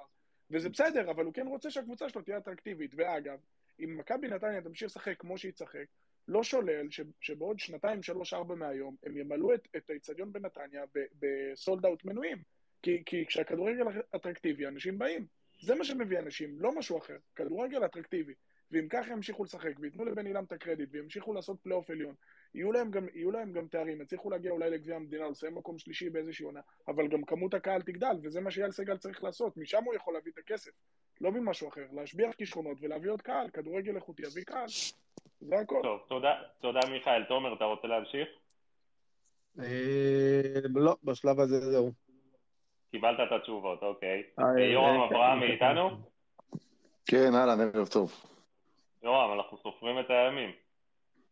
כן, כמה נשאר? קודם כל נשארו שלושה מחזורים, יש לנו את חיפה יום שלישי, אחרי זה באר שבע, ואז דרבי, ותודה לאל הולכים לים. אה, זה, זה, זה הדבר הכי חיובי, אבל אם נהיה כרגע רציניים, אני, אה, אני מפריד בין שני דברים, קודם כל בין השידור שהיה איום ונורא, אני לא נסעתי כמובן, נשארתי בבית, והיה שידור, אלוהים אני- חוץ מלשמוע בן עילם ובן עילם, ובן עילם היה פה ובן עילם היה שם, הכל בצווחות של מוטי חביב, תסלח לי פרימו באמת, אבל זה היה בלתי נסבל בעליל, ולא רק אני הרגשתי ככה. לא, זה- אני, זה- כשאתה מדבר על אה, קולגות וחברים שלי, אני לא לא מתכוון אני להגיד. יודע, אני יודע, בגלל זה אני אמרתי. אני לא, אני אמרתי, אני אני אומר, בתור צופה, בתור צופה זה היה בלתי, בלתי שדיר העניין הזה. יורם, כאילו. יורם, זה מרגיש, זה מרגיש אה, כאילו פתאום אה, אה, אה, מוטי חביב וניר לוין הבינו שיש להם פה משחק של מכבי תל אביב, שבאמת אה, יש לו רייטינג גבוה, ופתאום, אתה יודע, כאילו, אני לא שמעתי אותם משדרים את סכנין נגד הפועל ירושלים בכזו התלהבות, ו- ודוחפים כל כך הרבה מילים, כאילו, רק כדי להספיק אה, שאנשים לא, זו ישמעו מה שהם רוצים זו להגיד. הייתה ברברת, ברברת אינסופית ברמה של טרחנות נוראית, נוראית, נוראית, זה די כן. מגוחכת, אבל בסדר, זה סתם אנקדוטה. אני רק רוצה לשים אה, שני דברים אה, שלא לא דיברו עליהם. אחד, מכבי במשך הרבה שנים, מאז בעידן גולדהר, היה לה יתרון פיזי, גם פיזי וגם של כושר גופני, על פני יתר הקבוצות בליגה. זה, זה נורא בלט בעונה של אוסקר, אבל גם אחרי זה, גם אצל סוזה וזה, מכבי הייתה לו עוצמה מאוד גדולה בקטע הזה, והיא די הקדימה את יתר הקבוצות. אה, אני חושב שבשנתיים האחרונות זה נעלם לחלוטין, והיום זה ממש הייתה דוגמה בולטת, כי נתניה באמת, אה, היא הייתה הרבה יותר פיזית, הרבה יותר אה, חזקה, וגם הכושר הגופני של, אה, של החבר'ה בנתניה היה שווה, אם לא יותר, של, מ- מ- מ- מהחבר'ה שלנו. אה, אני חושב שהיה משחק, אה, חצי ראשון כרגיל, היה מערך לא נכון, וזה, ו, ו, ולא ברור מה קרסטייץ' עשה, איזה שיעורי בית עשה, חוץ מה, מלימות התרגיל של הוצאת החוץ של נתניה, אבל, אה, אבל זה לא, זה, אתה לא עולה ממערך כזה, אבל לא הולך, מתחכם ושם את אלמוג באמצע, ו, ומשחק עוד פעם עם פרי- פריצה ויובנוביץ', מספיק עם העניין הזה. די, זה נגמר, זה, זה, זה לא עובד הסיפור הזה, פשוט לא עובד. לא עובד, אפשר- כי יובנוביץ' לא יכול לשחק קיצוני שמאלי, אתה צודק. ב- נכון, אז די, מספיק, אז, אז תגיד, או פריצה עולה, או יובנוביץ', וגם פריצה לא יכול. לשחק קיצוניים בצד השני, הם שניהם צריכים נכון. לא נכון. משחקים קיצוניים, זה שחקני רחבה, שחקני תשע מעולים ברחבה, מעולים, אז תנצל את מה שיש לך, אל תמציא משהו שאין לך. אז היה איזה גימיק נחמד עם השני תאומי המגדל האלה, אבל זה לא עובד, בטח לא נגד קבוצות שהן קבוצות טובות, בגלל זה גם בפלייאוף אנחנו לא נראים כל כך טוב. אה, בחצי הראשון של הדרבי זה גם היה אותו סיפור בדיוק. הוא עלה עם אותו מערך דפוק, ו... ואנחנו, אה, ואנחנו לא, לא משחקים כדורגל, אני, לא אכפת לי אה, בשלב הזה, אני אגיד מילה גסה, להפסיד, אבל לפחות שהקבוצה תראה כמו קבוצה, ושיהיה כדורגל שאתה תהנה ממנו. אז חצי ראשון אתה לא נהנה מכדורגל, כי אתה, כי אתה מסתכל ואתה אומר, אלוהים שישמור מה זה. וזה זה מערך לא נכון, זה פשוט ציוות לא נכון, מערך לא נכון, וחוסר אה, שימוש נכון בסגל, ביכולות שיש לך, ויש לך, יש לך יכול, יכולות בסגל, אז תנצל אותם, אל תתחכם, זה, זה לא צריך להיות, אה, לא בונים פה מעבורת חלל. יש סגל, יש לו יכולות, יש שחקנים מסוימים, תעלה עם המערך הנכון. והעובדה היא שבחצי הראשון אנחנו אה, אה, לא היינו קיימים ולא נראינו טוב. המזל שנתניה לא הייתה ביום טוב כל כך היום, בייחוד לא באזור של ה... באזור המסוכן, נכון. אה, ולא הגיע ליותר מדי מצבים. זה היה המזל היחידי שלנו, כי ב, ב, מבחינת... מבחינת, מבחינת להחזיק כדור, מכבי תל אביב במחצית הראשונה כמעט ולא נגעו בכדור. נכון, אני מסכים איתך, אתה ראית, מכבי לא, לא ראית כדורגל ממכבי, נתניה ניסתה כי אין, כדורגל. יורם, סליחה, יורם, אין עם מי, אין אין מי להחזיק כדור ואין עם מי לראות כדורגל. כש- כשדן ביטון פצוע וקניקובסקי לא בהרכב, אני לא הבנתי אם הוא כשיר או לא, אין עם מי, וגולסה בכושר מחריד, מחריד, מחריד, נכון. אין עם מי לשחק כדורגל, אין. אבל ראית, אבל אני אגיד ככה, ראית שהכניסו את קניקובסקי, והכניסו את אוסקר הגדול, אז נכון, נכון, נכון. כדורגל. והיום גם את קוואס. והיום גם את קוואס. גם היום גם אני מפרגן לקוואס על המשחק. קובס היום, אחרי ההחמצה המחרידה שלו, הבין שהוא צריך גם לרוץ. ואז פתאום ראית שגם יש ל- לחרא הזה כדורגל. ואני אומר חרא הזה, כי, כי זה פשוט עצלן כדורגל האיש הזה, זה, זה נורא מתסכל, כי אתה רואה בן אדם, שחקן שהוא באמת מעל הליגה, אם הוא היה רק רוצה ומשתדל ומתאמן ועושה את מה שצריך לעשות ובא למשחק עם חשק, יורם, זה ברור גם- שאתה מדבר מתוך תסכול, אבל בואו ננסה, אתה יודע, להיות קצת יותר פוליטיקלי קורקט. כאילו, אה, אין הכל בעיה, טוב, נוותר אבל, זה. אה, בסדר. אוקיי, בסדר, אבל, אבל, אבל זה ההרגשה ש, ש, שאדון קובס אה, משדר לנו. אה, וכמו שאמרתי, אחרי ההחמצה הוא באמת השתדל וניסה, וראית באמת שיש לו מה לתת, אבל, אה, אבל את החשק כבר, את שיר החשק כבר אי אפשר יהיה לשחזר אצלו. זה כבר לא, אה, זה כבר לא יקרה העניין הזה. אה, אני, אני בכוונה קצת אה, צר לי על שניר לוי, כי, כי דיברו פה על עניין השיפוט, ואני חושב שהוא עשה טעות בפנדל של גלאזר, זה באמת היה פנדל לטובת נתניה. מה זה עשה טעות? רגע, רגע, יורם, הטעות היא לא שלו. שמע, אני... הטעות היא של עבר, אבל גם טעות שלו, כי הוא היה צריך לראות את האירוע, זה לא היה אירוע דרמטי. לא, בואו. זה- ה- היום בעידן עבר זה לגיטימי לא לראות. בסופו של דבר, ברגע שהוא לא רואה, וההחלטה שמע, הופכת שמע, אה, להיות לא החלטת יודע. שופט דבר, אז זה גם טעות שופט דבר. הוא יכול גם להיות. לקרוא לו, הוא בחר שלא לקרוא לו. נכון, אבל עדיין אתה מצפה משופט, אם הוא היה עומד קרוב לאירוע, הוא היה רואה שגלאזר אה, הסיט את היד או נגע, זה היה פנדל ברור, בלי הרבה סיפורים, אה, וחבל, כי זה יהיה עליו, אני מניח ככה, כי אני מאוד, מאוד מחזיק ממנו, אני חושב שהוא... לא, זה הוא- לא יהיה עליו, למה שזה יהיה עליו? אני מקווה שלא, שמע, מה אני אגיד לך? לא, אני מקווה לא, שלא, כי אני חושב לא. ששניר לוי, שניר לוי הוא, הוא שופט ש, שכולנו נשמח אה, שימשיך ויתפתח. הוא מה, מהשופטים היותר טובים שיש, אה, ואין פה, אין, הוא אין יותר מדי מצוין, כאלה. תקשיב יורם, הוא מצוין, אני מסכים איתך שהוא היה צריך לראות את הנגיעת יד, אבל אם מישהו יקבל בראש מהוועדה המקצועית זה אלי, אלי בוודאי, חכמון. בוודאי. אני מסכים, אלי כן, חכמון יש לו עשר פעמים את כל הזוויות, הילוך איטי, הילוך מצד שמאל, הילוך נכון, מצד נכון. ימין. בוא, בוא נסכים פרימו שהאחראי העיקרי לפ- לפיאסקו הזה, של אי שריקת הפנדל היה אה, אלי חכמון, ברור. אבל, ו- ועל זה אין מחלוקת. אה, אה, אבל אם עושים פה אה, אה, דיונים על, על הפנדל, וזה בסדר גמור, ואין לי שום בעיה עם זה, אבל, ודיברתם על זה גם כן, אז צריך, חלק מהעניין זה צריך שיהיה נוהל פרוטוקול מסודר, שבסוף משחק יוצאים ומדברים על מה שקרה. טעויות לא יעשו לא את זה. שיפוט. אמר את זה גם קודם רגע, אבל טל. יכול להיות, יכול רגע, להיות אני רק- מצב אני רק אסביר שנייה. לו?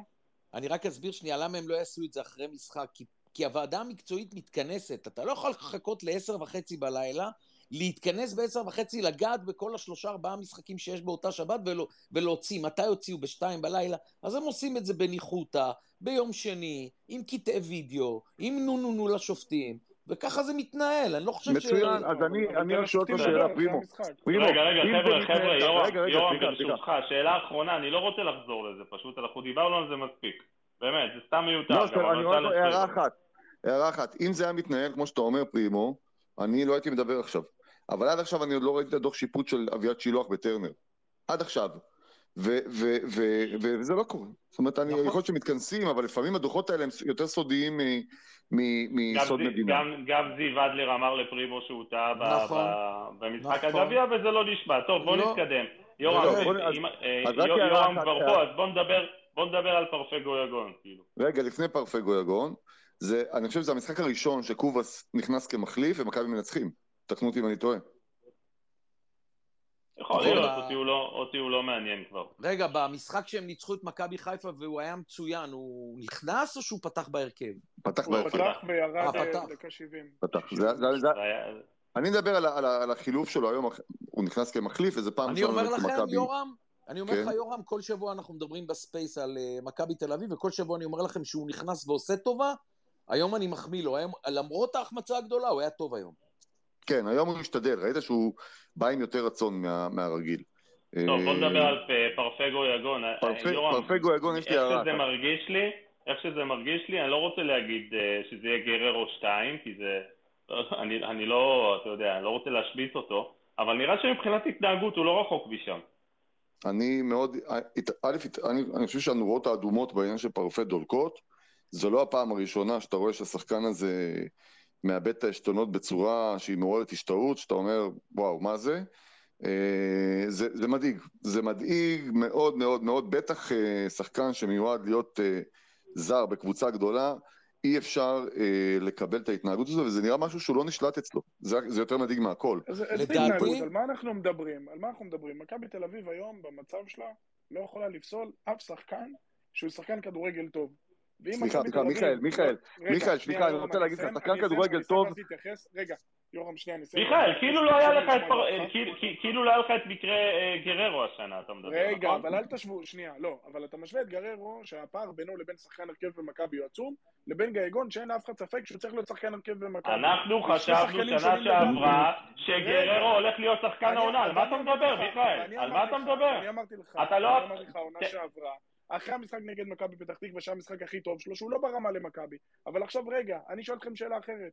מה ראיתם מפרפגו יגון, שאתם חושבים שההתנהגות שלו אומרת שהוא לא שחקן שמכבי אה, אה, שהוא לא מתאים לבוגרים של מכבי? אחד, שתיים. אתה עוקב אחריו? אתה עוקב אחרי המשחקים שלו? עוקב אתה עוקב אחרי אחריו. שלו? שתיים, שתיים, אני שואל אותך, שתיים, אני שואל אותך, איך יכול להיות מצב שמכבי תל אביב, בכל הכלים שיש לה, לא יכולה להכיל שחקן כזה שיש לו בעיות התנהגות? כי כרגע, כמו שמכבי תל אביב נראית, היא לא יכולה לוותר על אף שחקן ברמה המקצועית. לא, לא, לא, לא, לא, לא, יש לך טעות. בוא. ניתן לך, שחקן בוא טוב, ניתן לך שחקן טוב, תשובה. שחקן טוב זה גם יכולת, ולא פחות, אולי יותר, גם אופי. בוא אני ואם אתן אין לך את תשובה. שני המרכיבים האלה, אל תביא אותו. אני אתן לך תשובה. אני אתן לך תשובה מה אני חושב. לא תמיד אני טועה, לפעמים אני טועה, לא תמיד. אה, מבחינת כישרון, מה שהדריבל שיש לו ברגליים, הדריבל, אין לאף שחקן במכבי תל אביב, אני מדבר על הדריבל. ודריבל זה שחקן שיכול לייצר המון גולים. בוא נשים את זה בצד, בזה מיכאל צודק, יכול להיות שהוא צריך להיות אחד מששת הזרים. לדעתי ההתנהגות שלו היום סתמה לו את הגולל להגיע למכבי תל אביב, מכבי לא תרצה שחקן כזה, זה אחד. והדבר השני, אה, גויגון מיכאל הוא כוכב בנתניה. מה זה כוכב? שבן עילם אומר לו, לך תשחק, תהנה, אני 90 דקות מאחוריך. כשאתה מגיע למכבי תל אביב, אתה נכנס עם 24 שחקנים, ל- ל- מי ייכנס להרכב הראשון, זה שבוע אתה ביציע, שבוע אתה 20 דקות, שבוע אתה בהרכב, זה לא גויגון וזה יוציא אותו מהכלים, ובעקבות מה שיורם אמר, אני אומר לכם, שמבחינת כדורגל ברגליים אין שחקן כזה במכבי תל אביב, מה שיש לו בראש הוא לא יהיה במכבי תל אביב. בוא נשמע את, בראש, אה, אני- אה, את- את ארז. ארז, ארז, מה דעתך על, אה, על אה, פרפגו יגון? התנהגות, מקצועית, כל החבילה. מקצועית, אין ספק שבאמת דריבליסט אדיר, יש לו שינוי קצב, אה, אני חושב שאין להרבה שחקנים בארץ, הוא משנה קצב עם הכדור, זה אחד הדברים שמאוד מאוד אה, מבדילים השנה בין אה, נגיד מכבי חיפה למכבי תל אביב, זה החלק הקדמי, הדריבליסטים שיכולים לייצר, לייצר מצבים, אם זה שרי, אצילי, חזיזה, של מכבי לא היה את זה השנה. אבל לא יודע, ההרגשה שלי שאולי הוא לא רוצה בכלל לחזור. אה, אגב, שכחתי לציין ש, שכרגע הוא לא חתם חוזה, ושנת שנה הבאה זה יכולה להיות שנת חוזה, אז אם מכבי יקבלו עליו הצעה, יכול להיות שהם ימכרו אותו. נכון, הוא שנה הבאה, זו שנה האחרונה שלו בחוזה. אה, שמע, אני חושב שהוא צריך להיות במכבי תל אביב. עוד פעם, מבחינת התנהגות זה כבר יש במכבי מספיק אנשים שידעו אם צריך להביא אותו או לא להביא אותו מקצועית, אה, לדעתי יש לו מקום להיות במכבי. טוב, אה, אייל גולסה. ארז, איך אתה רואה את, ה, את המשבר שלו? זה, זה סוג של משבר או שזה זה משהו שמאמן אה, חדש כן יכול להחזיר אותו לחיים? קודם כל, אה, זה, זה מאוד מורכב. הוא... הייתה תקופה שהוא ממש, תקופה ארוכה שהוא בכלל לא היה בכיוון, לא שיחק, לא, לא קיבל דקות, ואז הכניסו אותו, הוא היה סוג של עשר ביהלום, כל מיני דברים שניסו איתו במקום להיות 50-50, שלדעתי שוב, זה לא התפקיד שלו. אה, תראה, לפחות לפי הרעיון, היום מה שהוא דיבר, הוא כאילו ממשיך במכבי. אני, אני חושב שגולסה הוא שחקן ששווה לקחת את הצ'אנס איתו ולהשאיר אותו אם הוא רוצה. אה, כי אני חושב שאם הוא יהיה ב-80% מהיכולת שלו, אז הוא, הוא פנטסטי. אוקיי. אני אה, חושב טוב. שטוב למכבי וטוב לגולסה להיפרד. משני הצדדים. אני חושב שהוא ילך למקום חדש, הוא יכול אולי, כמו שארז אומר, לפרוח. במכבי הוא לא מתרומם, משהו קשה לו מאוד במכבי, נותנים לו ו... ונותנים לו, ותשמע, לא יכול להיות שהיום הוא משחק 90 דקות והוא כל כך חלש במשך 90 דקות, לא יודע. אבל אה, פריבו, גולסה זה שחקן שכל פעם חוזר מפציעות וכל פעם נותנים לו, וברוב הפעמים הוא היה לוקח. זו אולי הפעם הראשונה שהוא לא לוקח, ואפשר לייחס את זה לכושר או למאמן הלא מתאים שנמצא כרגע במכבי. אה, ראינו הרבה שחקנים בתקופת פטריק, לא הרבה, רוב השחקנים לא היו טובים. יש פה השפעה למאמן ולאווירה בקבוצה ולכושר. המשחק של כל הקבוצה. אז אה, אבל, אבל גל, הוא ככה, הוא ככה מהפלייאוף שנה שעברה כבר ככה, הוא לא הוא- מצליח הוא לחזור בשנה לעצמו. הוא עבר- הוא הוא שלושה לא חזר מאמנים. מאז. שנה וחצי לא טובות, אה, בשנה... סליחה, ארז, תמשיך. אני חושב שאין ספק ששנה הבאה יש למכבי המון המון המון אה, שיעורי בית שהם כבר היו צריכים לעשות, כי יש לך גם שחקנים שחוזרים מהשאלה, שיכולים לחזור מהשאלה, אם זה עידו שחר ונדב מידם, אני מדבר רק על הקישור, ופרפה, ויש לך מצד שני את ריקן, ויש לך את, אה, את גולסה ו... ועדן שמיר שצריכים להחליט אם הוא ממשיך או לא, אז אה, יש להם, אה, יש להם שיעורי בית לעשות. אני לא חושב שגם גולסה וגם ריקן יישארו ביחד.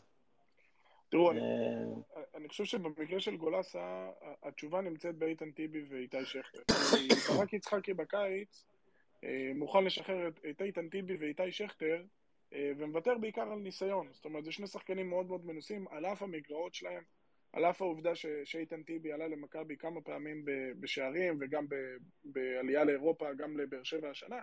בסוף מכבי תל אביב ויתרה על שחקן עם הרבה ניסיון, וראינו שההגנה של מכבי השנה לא הייתה טובה. עכשיו, אני לא אומר שאם איתן טיבי היה נשאר במכבי תל אביב, אז היא הייתה סופגת פחות.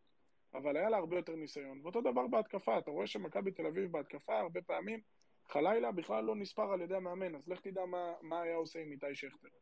וכשיש לך שחקן כמו גולסה, זה לא משנה אם הוא טוב או לא טוב. הוא- מכבי תל אביב צריכה את הניסיון, היא צריכה את הניסיון שלו, כמו שהיא צריכה את הניסיון של שרה ענייני, כמו שהיא צריכה את הניסיון של אבי ריקן. והיא לא יכולה להרשות לעצמה לוותר על שחקנים כאלה. לא משנה מי יש לה בקישור ואיזה ילדים חוזרים ואיזה ילדים לא חוזרים. זה, זה מצד אחד. מצד שני, אייל גולסה נמצא, כמו שאני רואה את זה, ושוב, אני... איזה... אני מה, סליחה? לא, לא, כלום, תמשיך. אני אומר, אייל גולסה במצב כמו שאני רואה אותו, ושוב, זה, זה מה שנקרא דעתי הענייה מול קרסטייץ'. קרסטייץ' לא סופר אותו, לא אותו ולא את ריקן, ואני חושב שזו הסיבה שאבי ריקן הגיב היום כמו שהוא הגיב. אה, יש שם, זה, זה נראה שיש שם איזה משהו ש, שקרסטייץ' כנראה לא, לא מסתדר איתם, או שהוא מצפה מהם ליותר מדי, או שהוא לא מצליח להגיע אליהם, אבל משהו, משהו ב, בתפיסה של קרסטייץ', שהוא מנסה עשרות שחקנים באמצע, את חוזז ואת קובאס במערך של 4-4-2, ולא מעלה לשם את ריקן, אחרי שריקן הציל אותו בקריית שמונה, וליטרלי הציל לו את העונה, אה, עד החצי גמר גביע עם באר שבע, וגם גולסה ש- שלקח לו המון המון זמן להיכנס, וגולסה לא מצדיק את ההרכב, זה בסדר. אבל בסוף גולסה זה שחקן שצריך להיות במכבי תל אביב, היא לא יכולה לוותר עליו מעשרות אלפי סיבות. אם היה לה את עלי מוחמד ואולי שחקן כמו אבו פאני בקישור, הייתי אומר, אוקיי, אפשר להגיד ש- שאייל גולסה לא מתאים למכבי, אבל זה לא שיש לה שחקנים עם המון ניסיון בליגת העל, שיכולים להצדיק עכשיו שחרור של אייל גולסה, ובטח לא ריקה. אז חמור מאוד אם זה מה שיקרה בשנה הבאה, אם לא הבינו השנה כמה היה חשוב להשאיר את איתי שכטר ואיתן טיבי וכמה נקודות. מיכאל, אני אגיד לך אבל מה ההבדל, אני אגיד לך מה ההבדל אבל ביניהם, א', א', כמובן על עניין הפציעות כבר דיברנו אין ספור פעמים של גולסה, אבל מעבר לזה אצל ריקן אין כמעט נפילות, אתה מקבל פחות או יותר אותו דבר, פלוס מגיע למשחקים גדולים. אצל גולסה אתה- יש לך נחית, כאילו נחיתות ברמה שאתה מטורפות, הבדלי, הבדלי רמות גדולים מאוד בין תקופה לתקופה, אצל ריקן אין את זה. ולכן אני- לכן לדעתי את ריקן כן כדאי להשאיר, את גולסה, בטח ברמות שכר שהוא מקבל היום ממכבי, אני בכלל לא בטוח. עזוב, הרמ- תקשיב, טוב. אני לא נכנס לרמות שכר משתי סיבות. קודם כל, הכסף לא שלי ולא שלך, ומי שמשלם. אותו יושב בקנדה, והוא יכול להרשות לעצמו הרבה דברים שאני ואתה לא יכולים להרשות לעצמנו, ואני לא חושב שזה גם בא על חשבון שחקנים אחרים. זה אחד. שתיים, אם אייל גולסה יישאר במכבי וירוויח 50 אלף דולר פחות, או 50 אלף דולר יותר, זה לא משהו שאמור לעניין אף אחד. בסוף מדובר פה בשחקן שהוא כנראה מהטובים בליגה בעמדה שלו, ומכבי תל אביב צריכה לעשות הכל כדי לגרום לו להיות טוב. הרי זה ברור לך שברגע שהוא יצא ממכבי תל אביב, וילך להפועל באר שבע, או אפילו למכבי חיפה, או, או אפילו למכבי נתניה, הוא יחזור להיות אייל גולסה, ואז כולם... אה, לא ברור לי. בכלל, למה זה ברור לך, מיכאל? למה לא ברור, מיכאל? משמעית אני לא מבין. חד משמעית ברור לי. בכלל. אני לא ברור לי בכלל, הגיל מתקדם, לא הולך אחורה, אה, מיכאל. ו- בן כמה- בן כמה יהיה אייל גולסה בקיץ? הוא- שלושים ו- הוא 31 וחצי, 2, אבל בגוף פציע כמו 38, נו, אני לא בטוח בכלל מה שאתה אומר. אייל- אייל גולסה- אייל גולסה זה שחקן שיודע לתת לך 10-12 משחקים בשנה, ומתוכם 8 משחקים. אני שנה כבר מחכה, אני לא יודע. בסדר, אז... לא. טוב, חבר'ה, מיצינו, מיצינו את אייל גולסה, מיכאל, זה אייל גולסה קיבל את הכבוד אני רק רוצה. להזכיר לכם, אני רק רוצה להזכיר לכם שמכבי תהיה בשביל להיות טובה צריכה לשחרר עשרה שחקנים, אז כל אלה עם הניסיון, שמיסיון, בדיוק, צריכים- מ- צריכים, בדיוק, צריכים, פרימו, בדיוק. הגיע, הגיע הזמן שמכבי תהיה תביא שחקנים עם מספרים ולא ניסיון וועדת קישוט. עשרה שחקנים טוב. צריכים להחליף. יא, נכון. מיכאל דהן, הצטרף אלינו. שבוע טוב, מה? העניינים? שבוע שבוע טוב. מצוין. אני שומע את הדברים שלכם, אני מסכים, אני חושב שמבחינת מכבי, אני חוזר על מה שאמרתי מהשבוע שאחרי חיפה, שהרגשתי מאז שקרסטייץ' איבד את הקבוצה. אין לו השפעה. יש את המשחקים של מכבי לפני המפגש מול חיפה ויש אחרי, וזה לא אותה קבוצה בכלל. לא בסדר שלה, לא, ב... לא ברמה שהשחקנים מגיעים אליה, ואני חושב שהם סופרים את הימים בדיוק כמונו. אה, לגבי קובאס ששוחחתם עליו, לי זה מרגיש כמו חבר שהתחיל איתי מסלול בסיירת צנחנים, וכשהעיפו אותו, שלחו אותו להיות לוחם באיזה גדוד, והוא רוצה להישאר לוחם, אבל ברף הכי, הכי נמוך שיש. זאת אומרת שמבחינת כדורגל ברור לכולם שהוא מעל הליגה. מה שהוא עשה היום לגנדלמן רק עם הגוף, זה דריבל נהדר, אבל הוא רוצה להיות הרף המינימלי לכדורגלן מקצוען, ואני חושב שלמכבי זה לא מתאים. אה, אתם מדברים פה על גולסה כאילו לא איבדנו את איתי שכטר וחשבנו שדי עם הניסיון ודי עם המבוגרים, והיה ברור לכולנו כבר מאמצע השנה איזה תרומה שכטר יכל לתת לנו וכמה חבל שהוא עזב. ואני פה מסכים עם מיכאל, לא אכפת לי כמה הוא מרוויח. שכטר וריקן, בטח אחרי העונה הזאת עם טיבי ו... אה, ושכטר, זה מסוג שחקנים עם אופי נוח, שאין להם בעיות לעלות מחדר הלבשה, שהם אף פעם לא עושים אה, בלאגן. אני בעד שיישארו ויובילו אה, את הצעירים. משער לעצמי שהני פורש בסוף העונה הזאת, אני רק מנחש לפי איך ש... של ההתנהלות שלו, ואני כן הייתי רוצה לראות אותם ממשיכים. אתם דיברתם הרבה, ואני לא יודע כמה אתם מבינים כמה המשחק שבוע הבא חשוב. הוא חשוב לא לעונה הזאת, הוא חשוב לעונה הבאה. מבחינתי, אם מכבי מפסידים בחיפה, זה בונה להם, נטו מבחינת אתוס של מועדון וביטחון של שחקנים, את האליפות השלישית כבר. ואם אנחנו מנצחים אותם שמה, אני חושב שזה זה הקרע הראשון בדרך להתפרקות שלהם שנה הבאה. ואני מאוד מאוד מקווה. אני, גל, אתה שאלת אותי איך אתה מרגיש אה, אחרי הדרבי, ואמרתי שזה חד פעמי ותן לי רק לא להתבזות בסוף העונה, ו... ואני עדיין בזה. אני מאוד מאוד מקווה שהשחקנים מבינים את החשיבות של המשחק הזה. אני לא מדבר על נקודות, ואני לא מדבר על יוקר, אני מסתכל נטו על שנה הבאה. חצי מה... מהשחקנים של מכבי בראיונות אחרי העונה של איביץ' חזרו ואמרו איך הוא הטריף אותם על 4-0 בטרנר, איך שתסיימו את העונה הזאת, ככה תראה העונה הבאה וכמה זה חשוב. ואנחנו יודעים כמה השחקן הישראלי הוא חלש בראש וכמה כן חשוב להחזיק אותו מנטלית, ואני שם את כל העונה הזאת שתתנקז רק למשחק הבא, וכמה חשוב זה לנצח את המשחק הזה ולהראות להם שעם האליפות שלכם, בבית שלכם, אנחנו עדיין מכבי, וזה אולי ייתן את המנוף לשנה הבאה. לי זה מאוד חשוב. הלוואי. אה, לא טוב, פחות מיכאל, תאר לא איתנו... פחות חשוב מחזור אחרון של העונה, לא להפסיד דרבי ב- עם האופוריה של ה-5-0, שלא הגיע לנו חמישייה, כדי לשמור את הרצף ההיסטורי.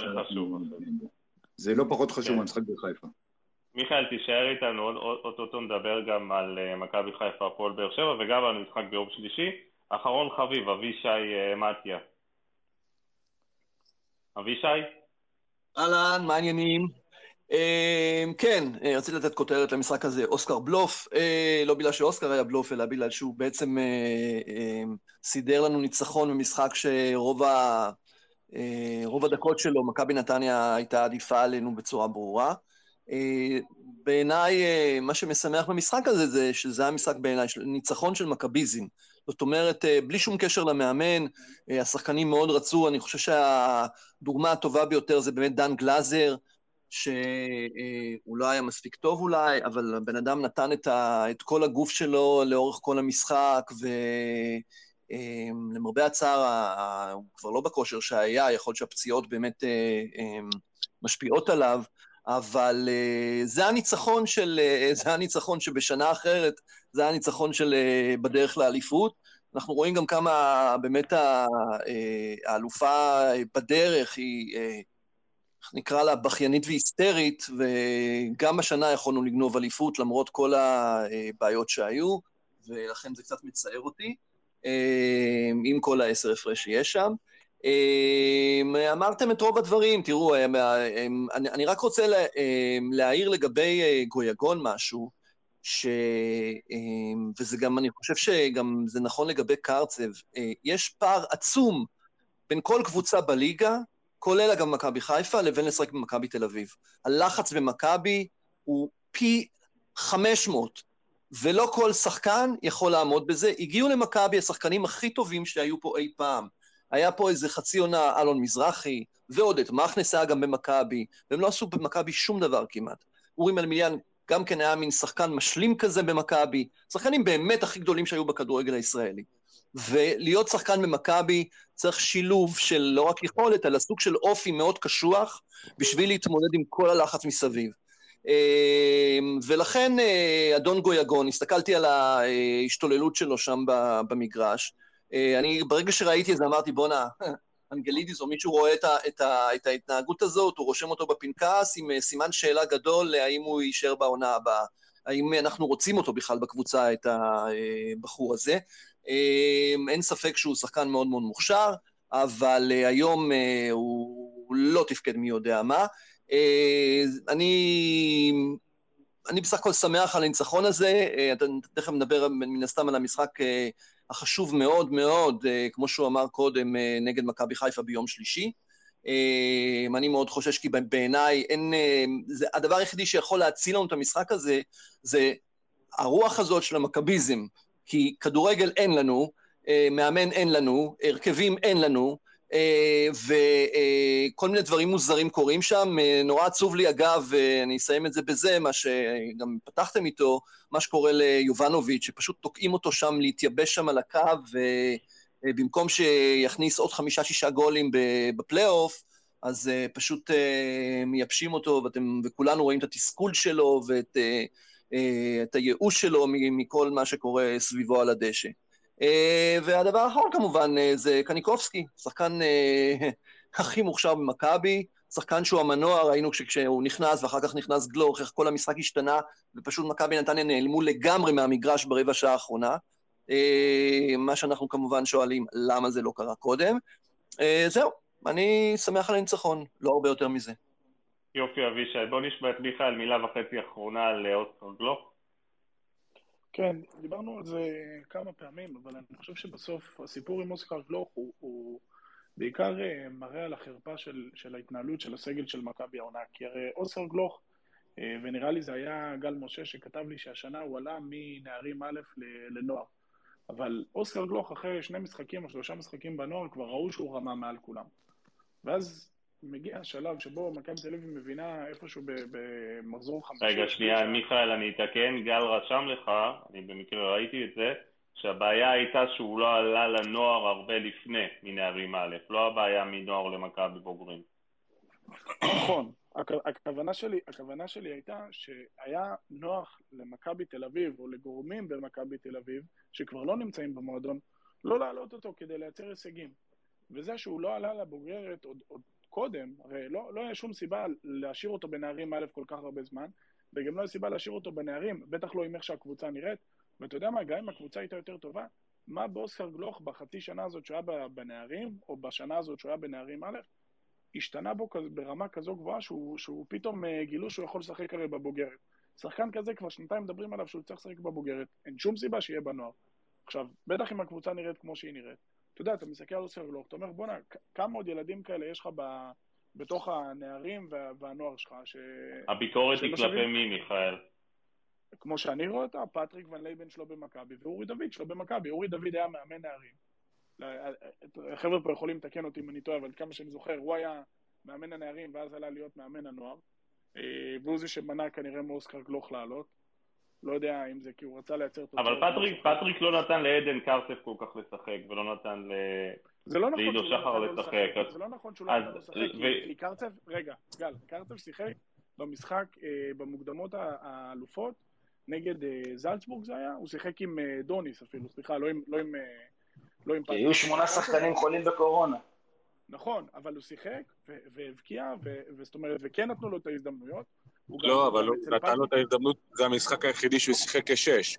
פטריק נתן לו לשחק כעשר, והוא גמר אותו שם. כל המשחקים בנתניה הוא שש, במכבי הוא שיחק רק כעשר. אין בעיה, אין בעיה, אני רק אומר...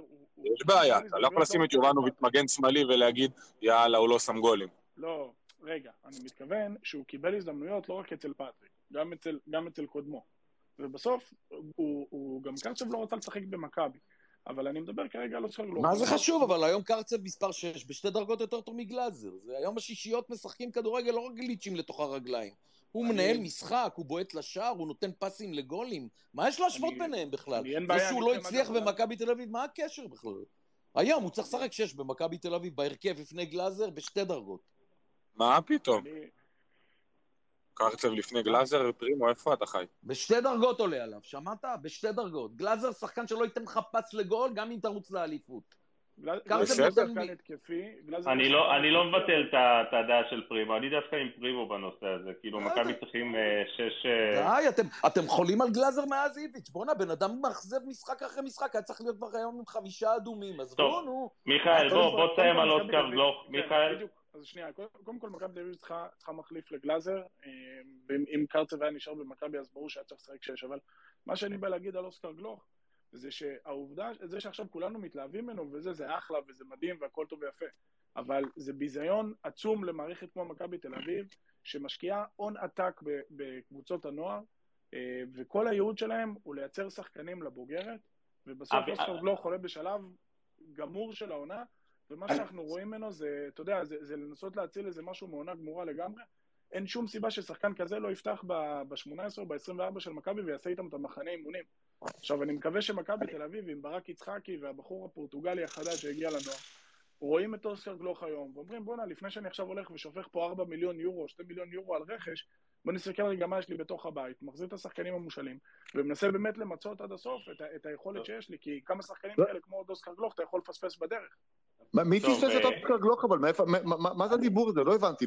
אוסקר גלוך? אוסקר גלוך זה שחקן מפוספס? אני יכול רגע, אני... לא, לא מה שאמרתי. אני באמת ארצה לשמוע את אה, ארז. זה מיכאל, נדמה לי, שדיבר קודם, אה, קודם כל אוסקר, אני מכיר אותו מגיל חמש וחצי, באמת בלט, כל ה... מגיל חמש וחצי בית ספר לכדורגל, תמיד היה בשנתון מעל, כולל נערים ג', כשהקבוצה שלו, השנתון 2003, הוא היה איתם, כשהם עלו לנערים ב', הוא נשאר עוד שנה אחת לנערים ג', ובעצם אה, מה שאמרת קודם לגבי אורי דוד, זה לא קשור, מי שמונע את ה... מי שמחליט במכבי, מי שהחליט הכל, אה, כולל מי יעלה למעלה ומי ישחק בהרכב, ומי לא ישחק בהרכב, זה היה פטריק, חד משמעית, כולל השנה, אה, עד שהגיע קלאודיו שהחליף אותו. אבל אני לא חושב שפספסו אותו, אני חושב שהוא עלה בגיל יחסית צעיר, אני לא זוכר עוד פעם, עוד, אני לא זוכר עוד שחקן צעיר שעלה בשנה ראשונה נוער, אמנם בסוף העונה, בגרבג', נקרא לזה איך שאתה רוצה, אבל עדיין הוא עלה בשלב יחסית אה, מוקדם. אה, לא קרה שנים, הטענה של מיכאל שהוא עלה מוקדם, שמכבי תל אביב העלתה משום הנוער לבוגרים. בוא נגיד שעידן ביטון לא נפצע, אני לא בטוח שהוא עולה ל... חד משמעית, חד משמעית. בדיוק, זו הטענה של מיכאל. ואגב, ברלין, הגדולה שלו קצת, אה, קצת מעפילה עליו. ברלין הוא, הוא לדעתי לא פחות מאוסקר. מה ש... תראו, אני, אני אנסה רגע לשים את הדברים בקונטקסט הנכון. אני חושב שבסוף, העובדה שאוסקר גלוך עולה אחרי שדן ביטון נפצע ו- ואין למכבי עשר אמיתי, והוא עולה בלית ברירה, זה, זה הפאשלה הגדולה פה. כי בסוף שחקן כמו אוסקר גלוך, לא צ... אין, אין שום סיבה שיהיה בנוער, אין שום סיבה ש, שמכבי תפספס אותו ואין שום סיבה שהיא תשאיל אותו. אין שום להיות- פשלה, מיכאל, הילד בן 17 וחצי, עונה ראשונה בנוער. פשלה לא הייתה פה, עם כל הכבוד.